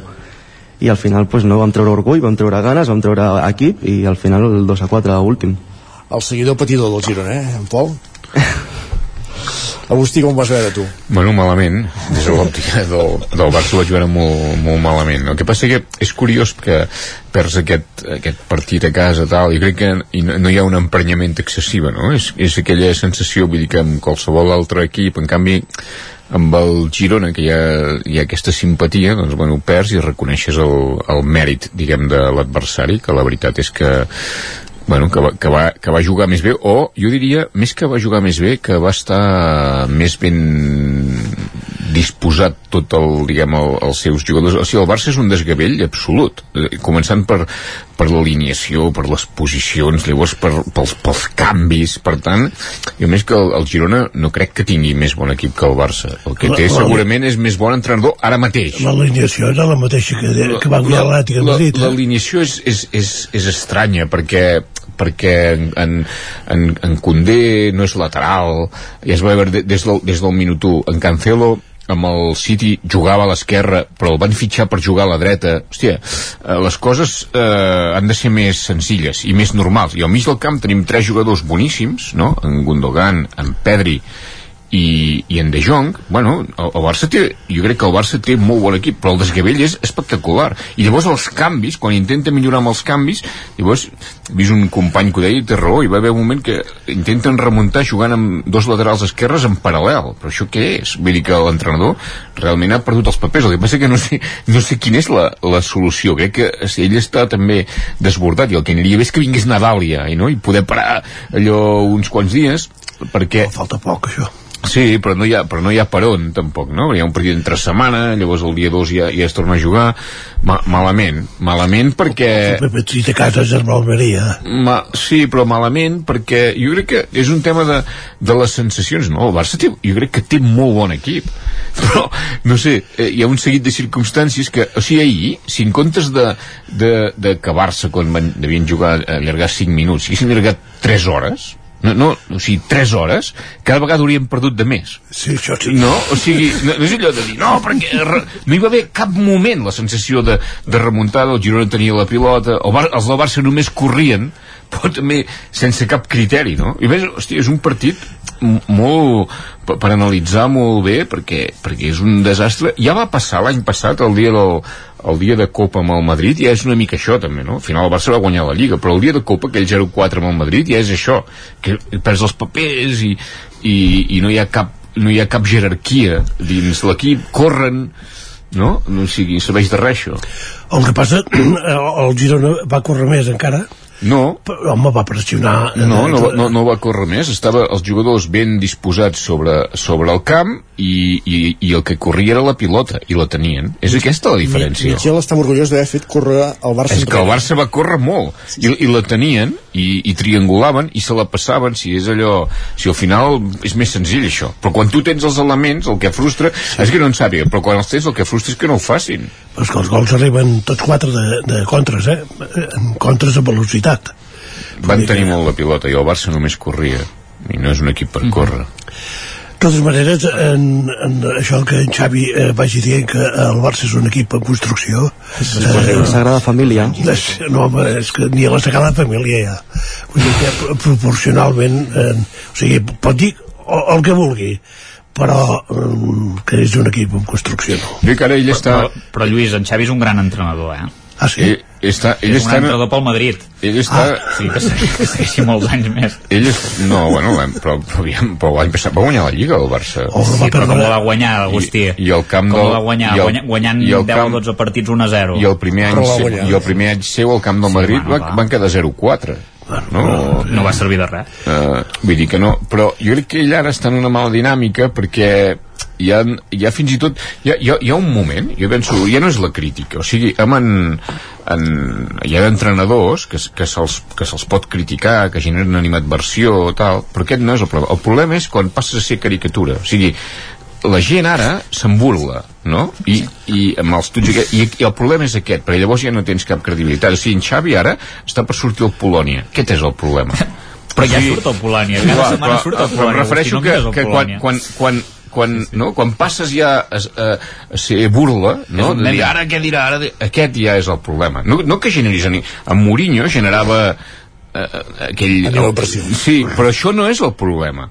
El problema és i, i això és molt difícil ja de corregir penso, ara és, és, té, té mala peça el, el taler del Barça Però el que passa és que no, dona la impressió que ni el mateix Xavi sap quina és la solució perquè si l'argument és que eh, estem en un equip en construcció no. eh, doncs esclar, vol, vol dir que no sap eh, per on tirar però, però vols dir que, que el, el, el punt número 1 ja sé, això tothom al final tots som entrenadors i, i tots som molt savis no? i llavors hi ha algú que ha de prendre la decisió això passa sempre, és una de les grandeses del futbol però el punt número 1 no seria per fer, diguem, ordenar i fer el que dic, diguem, el lateral dret qui és? Doncs aquest jugador lateral dret. Això no vol dir que hi hagi un dia, com, com passava amb l'Araujo contra el Madrid, que hi hagi una circumstància excepcional, que hi hagi un jugador de l'equip contrari que tu creguis que és molt desequilibrant i que puguis fer un canvi.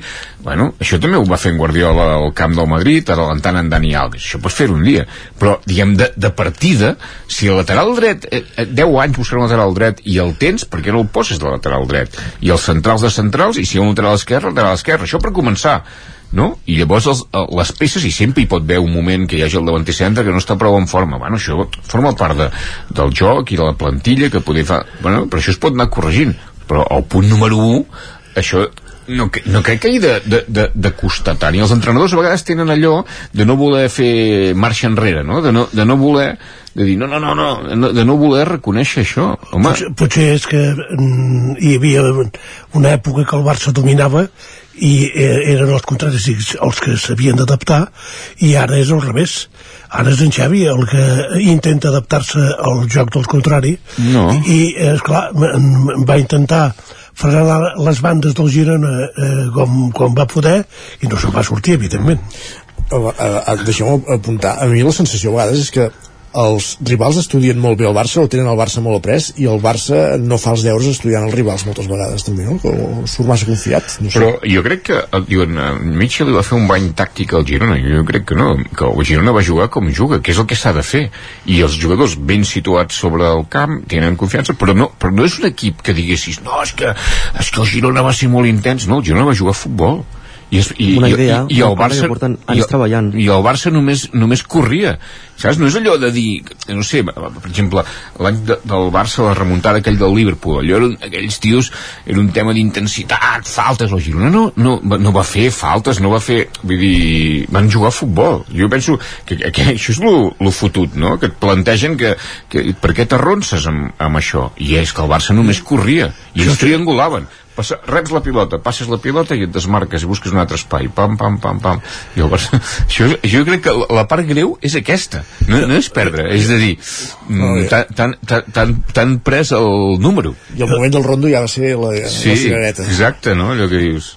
No, i, i, i que el futbol és un estat d'ànima es va quedar eh, evidenciat ahir, eh, evidentment, perquè el Girona sap el que fa i, i i té, diguem, la, la, la seguretat amb el que fa mentre que el Barça um, ahir no es va veure així. És espectacular i tenen un equip, jo crec que no els hi donarà crec que no els hi donarà i també jo, aquells pronòstics que faig jo vaig dir, no arribaran a Nadal, bueno, a Nadal sí que arribaran però, però, però no. També vas dir que el Madrid guanyaria una Champions no, sí, però aquesta aquesta, aquesta m'ho aneu retraient però aquesta de moment s'està complint. Aquesta continua vigent. L'any...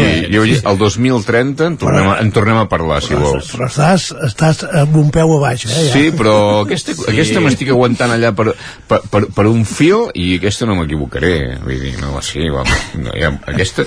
Ara, el, el 2030 és molt... És, és molt enllà, sí, sí, sí, sí, sí. Ja ens pagaràs un sopar. Sí. Però jo crec que no li donaran al Girona i que també hi ha una part de moda, que això ja passa, no? De, de moda, no? La gent ara s'apunten, eh? som del Girona, cau simpàtic, a mi també. Jo m'agrada, o sigui, m ahir penso que és espectacular el que van fer, però jo crec que no els hi dona per, per, ni per, res, ni per plantilla, ni no per història. Jo, no jo... els hi dona per, perquè també ara estan jugant amb 12 o bueno, 12 jugadors no, eh, però juguen amb 14, 15 mm. i, i evidentment en els partits per exemple com de Copa del Rei l'altre dia eh, que fins que no va treure tota l'artilleria doncs no va ser capaç de, de guanyar el, el partit, com aquell qui diu que vaig, vaig estar mirant el partit i realment per, per errors eh, tontos eh, l'altre dia contra, contra l'Oriol eh? però vull dir que, que li falta una mica de fons d'armari penso, ara sí que crec que li pot donar per anar a la Champions això sí, que fa unes jornades encara no ho veia ja dic la Champions, eh? ja no dic Europa dic, m'atreveixo a dir que dels quatre primers perquè ha, ha agafat una distància important respecte al cinquè classificat. Ara, amb els altres tres grans diguéssim, bueno, el que vaig dir l'altre dia en els últims 10 anys em sembla que els tres primers sempre han set Madrid, eh, Barça i Atlètic de Madrid canviant l'ordre veurem si és capaç de trencar una mica eh, aquesta tirania no? I, i fins on arriba. Jo fins a la jornada 30 ja ho vaig dir, la jornada 30 serà la que marcarà. Si la jornada 30 el Girona està, del, està allà bueno, Miquel parlava del Parlem 26 ahir, eh? Però vaja, ja és això. Del 26 va dir, això no ho vaig sentir L'últim jo. terç, Vale. l'últim terç. de- L'últim terç. De, de competició, sí. De totes maneres, les estadístiques diuen que els equips que arriben amb els punts que té ara el Girona eh, Sí. en queda com a, com a molt malament segon de la Lliga. Laia, hi ets, eh? És que... Jo, la Laia, també. Sí. Tot, tot, tot, Escoltant molt aquí, tot, tot, tot, tot, sonant, tot sonant avui, tu, aquí, en aquesta ràdio. O, un, un dia no hi eres ni tu, imagina't. Tot sonantis.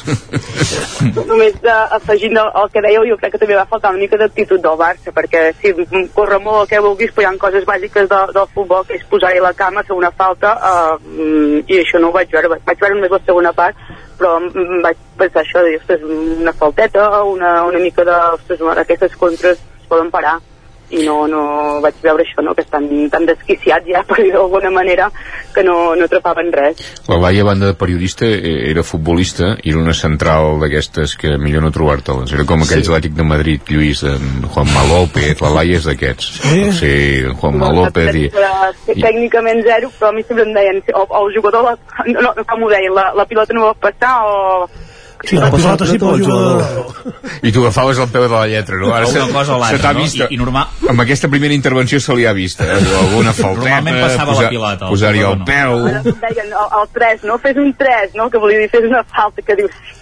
No, però sí, vaig, vaig notar això, que dius, no passa res, no? Si, si no arribes, doncs fas la, la falta i... Però, però ja no a l'àrea, eh? O a la frontal, has de fer al mig del camp aquesta falta, perquè no, no arribin. I això és, això és de, de Benjamí, no?, que et dirien. Això, I- això ho he vist al diari, eh? avui 7 faltes del Barça i 10 del Girona, eh? Mhm. Que està bé Girona és el millor equip fent transicions de la Lliga, segurament. Clar, si no, has, si no has estudiat una mica això, eh, evidentment, doncs tots els gols te'ls fan com te'ls fan, no? Vull dir, és que s'ha de... El, Barça realment està fallant molt amb això de, de, de, de aquests partits de- d'equips que els hi, que li surten a proposar una mica el partit li està costant quan, quan teòricament no hauria de, de ser així i, i, i que això que et guanyi la, possessió al Girona bueno, clar, pot, pas, pot passar perquè el Girona aquest any està jugant molt bé però és que el Barça ja fa un- d'un temps enllà que això de la possessió ha passat a ser secundari Jo aquest cap de setmana vaig que l'han veure... dominat totalment i els ha guanyat de, de, de xiripa com el dia de la Real Societat, per exemple Jo, aquest cap de setmana vaig veure dos, tres equips molt bons, Betis, Madrid i, i Girona. Bueno, el Betis, el Betis és el millor equip del món quan s'enfronta contra el Madrid. És el Bayern de Múnich. És el Bayern de Múnich, el Betis, el Sevilla, l'Atlètic de Madrid. Aquests, aquests equips només es dediquen a fer un, dos partits bons a l'any, els que juguen contra el Madrid. Home, quin tu piques, Quin tu piques, Brero. Són allà Contra dalt per alguna cosa, eh? Contra el, Barça, Picasso. cap, contra el Barça cap problema, el Betis, eh? El, cap, el dia al camp del Barça ja podeu passar, feu-nos en 5, que així nosaltres ja donarem... Bueno, eh, emprenyarem una mica el Madrid i ja està, però sempre passa el mateix, a veure, és que... I a més ens anulen un gol legal, és que clar, què vols fer? Van anul·lar un gol legal? Que no era fora de joc, tothom ho pot veure hi ha les imatges, el bar no serveix per res ja podem treure'l, no serveix per res Això, això, això els agradaria. eh? De, de, tot- de tot el que ha dit, o sigui, de, de tot el que, ha- de tot, de tot el que No, ha dit, l'únic in, in, in, interessant és això últim que ha dit, perquè això sí que, això sí que, que és rellevant, l'altre no, però això sí, això sí, ja el poden treure al bar. I tant, clar, clar, És que és ja el- que és aquest el el- tema. És aquest el És que tema. si treuen el bar llavors... És aquest el tema. Ara ha sortit. Si treuen el només bar recordar que llavors... anem per davant del Barça eh, també. És aquest el tema. Si treuen el bar llavors l'Agustí guanya, perquè esclar, no, el, el Madrid tornarà a guanyar la Champions però sense bar. clar, clar, clar, clar. És, que, és que és aquest el tema. No, però recordar que el Madrid va per sobre el Barça 5 punts per sobre, eh, també. Vull dir que tranquils, eh? 5 punts són dos partits, no, no res. No, la, la sort que té el Barça és que no hi ha ningú darrere. Tres partits, perquè el partit del Camp Nou ja... Ai, ja, no, de la tornada ja està guanyat. El cinquè està molt lluny. Vull dir, Home, però no, home. no, no, no, no hi ha, no hi ha, no hi ha, no, home, perquè ima- imagina que quedés fora de la Champions. No, home, no. Ah, Sí. Jo em conformo en que el Barça no vagi a la Supercopa d'Espanya que això, que això seria l'ideal, que no quedi entre els dos primers i que no arribi a la final, perquè saps que sabeu què significa no classificar-se per la Supercopa d'Espanya? Jugar dues rondes més de Copa del Rei. Contra equips a camp super a, que sí que evidentment hi vas a jugar amb, amb l'equip B o C eh? i el Barça en aquest cas hauria d'anar a jugar amb el C perquè s'enfrontaria a equips molt dolents teòricament però això és, és, sembla, això- sembla que no però és un, és un Però problema el- eh, per la temporada Però això és el 2025, no? Perquè la, Sí, però per això, però ja estic Sí, pensant però en això, que 2023. tant, tant de bo el Girona quedi, Entremig quedi pa- segon, entremig quedi passaran més segon. coses. 24, sí, sí. Pol, sí. eh, ara parlàvem això, eh, de, de les opcions que té el Girona de, de mantenir-se viu aquí, aquí dalt. Tu, des de, des de la tribuna, com ho veus? I si, i si passa? I si passa? Vull dir, per què no, per què no somia? Ja que, ja que, ja que podem... Deies, Laia? Mm? Tot a favor, que no només és que el Girona estigui guanyant, sinó que els altres estan punxant. Tampoc és normal el que està fent el Barça, el que està fent el Madrid i el que està fent l'Atlètic de Madrid. Vull dir, és que li està tot venint a, a favor, ho ha d'aprofitar el Girona. No ho tindrà mai El tan bé. ha perdut un partit, eh, Laia? Madrid ha perdut un partit, eh, només en tota la Lliga i n'ha empatat això, dos, eh? però que, Tampoc- a, a banda dels bons tampoc- resultats que tu treus, t'has d'aprofitar que els altres estan fent pena, perquè el Madrid està fent pena i el Barça està fent pena. El Madrid està fent pena, el Madrid està fent pena, en sèrio? Home, no pots empatar amb el, amb el Betis, Isaac. Vull dir, per molts bars i gols anul·lats, això, vull dir, no... Ostres, però, però el Madrid està jugant bastant bé, crec que em dona la sensació, vaja, no sé, eh? a banda de jugar bé has d'obtenir resultats, que és el que et fa pujar als primers llocs.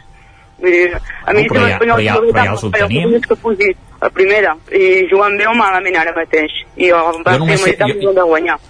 Jo només sé que el Madrid li va fotre 3 al, al millor equip de la Lliga. I aquí lo dejo. Vull dir que... No, no, és veritat. Vull dir, fem pena, però li vam fotre 3 al, a l'equip que ahir n'hi va fotre 4 al Barça. Sí, pena en el sentit de que, no, de que ha de guanyar tots els partits, i el Barça també. Vull dir, és Home, ja- l'objectiu de... I ja els guanyarà, si, home. Si dius Barça, sí. si dius Madrid, has de guanyar sempre. I, i no pots deixar escapar punts. Em refereixo a això, eh? Sí, sí, sí, no, no, ja t'entenc, ja. I ahir mig és un bon equip, eh, també. va canviar el discurs una mica, ja no és uh, la salvació, que ens queda un punt per salvar-nos, matemàticament, ja, però ja no és ja és parlar d'Europa i que podem enfrontar-nos de tu a tu qualsevol equip de la Lliga No, el que passa que jo no conec cap, eh, cap eh, equip potser el Barça de Guardiola en el seu moment, però cap equip que hagi guanyat la Lliga sense passar per una, uns partits de crisi. I el Girona encara no ho ha viscut, això. no, I jo, jo no sé si viurà. I, és clar, i si ho viu, aviam si serà molt llarga o molt, molt curta aquesta crisi. I llavors a partir d'aquí sabrem realment on, on, on, on, on és el Girona. Si és que efectivament ho passa aquest, aquest, aquest temps d'aquestes setmanes de, de, de problemes. Que poden venir per lesions, poden venir per baixa forma, poden venir per, per moltes circumstàncies. Però ja, ja insisteixo, jo no recordo eh, en gaire, gaires lligues que un equip ho hagi guanyat tot sense cap mena d'entrebanc de, de, i llavors eh, per mi serà la clau serà aquesta que, que l'Europa que, que Europa eh, ho té garantit el, el, el Girona seguríssim que la Champions gairebé també. Ara el lloc en la classificació eh, dependrà per mi eh, d'aquesta possible fase que, que, que pugui tenir de, de mal joc o sobretot de mals resultats. I una plantilla que... fins on dona, perquè és una plantilla de descartats, que ningú volia, els jugadors. Sí. Però, però 10 partits per, uh, perduts, per exemple, seguits al Girona, que, o, o, o ratxes així, de, fins i tot m'atreviria de 5 partits perduts seguits o coses, jo crec que no, no passarà, és a dir, que seran, seran mini ratxes negatives allò de dos partits perduts o alguna cosa així, vull dir, no, és un equip que el veig que, que s'aixeca bastant de, dels cops i que l'entrenador sobretot té molts recursos per, i juga bé, i clar, és molt difícil quan jugues bé perdre molts partits seguits, això sí que és veritat i, i, i, i és el que jo crec que el mantindrà una mica dalt. Ara, és el que deia abans, eh, que la Lliga és molt llarga, també el Girona haurà de jugar partits de Copa si vol avançar, que jo crec que és un objectiu que potser és més realista fins i tot que la Lliga, la mm. Copa, perquè realment són menys partits i, i uh, a partit únic doncs pots, pots guanyar pràcticament, bueno, ja ho ha demostrat, no? pot guanyar qualsevol. gairebé qualsevol equip per tant, home, seria una cosa i a partir d'aquí, després clar, quan hagi de fer dos partits a la setmana veurem jo crec que aquest serà el clam trau, el, el tram clau amb, jugar dos partits a la setmana i contra equips una mica més potents perquè evidentment bueno, la setmana del Madrid va tocar Villarreal dimecres i Madrid el sí, sí, dissabte no, però vull dir que això són perquè hi ha aquestes jornades intersemanals de dia que al final te'ls acabes trobant però vull dir inter, uh, anar um, fer, alternant competicions diguéssim, eh? és a dir, que tingui Copa en, mm. en, en partits seriosos, eh? perquè ara ha jugat dos partits de Copa que bé, Mhm. són equips de, de tercera fila ara li tocaran equips més, més potents Jo- jo- llavors aquí m'agradarà veure el Girona De totes maneres, jo penso que el Girona, si no hagués tingut el, el Barça en perspectiva, no hauria jugat a Oriol amb un equip de tants suplents. Exacte. Eh, ja d'entrada hauria de fet una alineació diferent per, per, per assegurar la cosa i, per exemple, tenir una, una segona part tranquil·la cosa que no va aconseguir fins que, que va, va sortir tres, tres Però ja és la mentalitat que tenen els jugadors, vull dir, Juanpe, Bernardo, Stuani ja tenen la mentalitat de sortir a, o jugar al partit de Copa i aprofitar aquesta ocasió. Sí, sí, eh, per això s'ha de Vull dir, veure. han canviat els rols. no, no, i va fer un gran partit al Girona a la segona part l'altre dia Sí, Pablo Torre va demostrar molt. Ho hem de deixar aquí, nois. Eh, parlarem, tindrem temps de parlar-ne de, de l'evolució del Girona en aquesta lliga, de com evoluciona tot plegat. Moltíssimes gràcies una setmana més per acompanyar-nos. Agustí Anés, Lluís de Planell, Isaac Muntades, Pol Grau, Laia Mil Peix, fins a la propera. Bon dia. Ja. Bon dia. Bon dia. I nosaltres acabem el territori 17, eh, no sense abans fer esment d'una notícia que avança ara mateix al 99.cat, que és que la Policia Nacional Espanyola ha desarticulat una xarxa criminal especialitzada en la inscripció de parelles de fet entre ciutadans d'aquí i de l'estranger, tot plegat amb l'objectiu que aquests últims poguessin obtenir una autorització de residència a 10 detinguts a Osona. Acabem i tornem demà a partir de les 9. Fins aleshores, gràcies per ser-hi, bon dilluns. Territori 17, un magazín del 9 FM, Ona Codinenca, Ràdio Cardedeu, Ràdio Vic i La Veu de Sant Joan, amb el suport de la xarxa.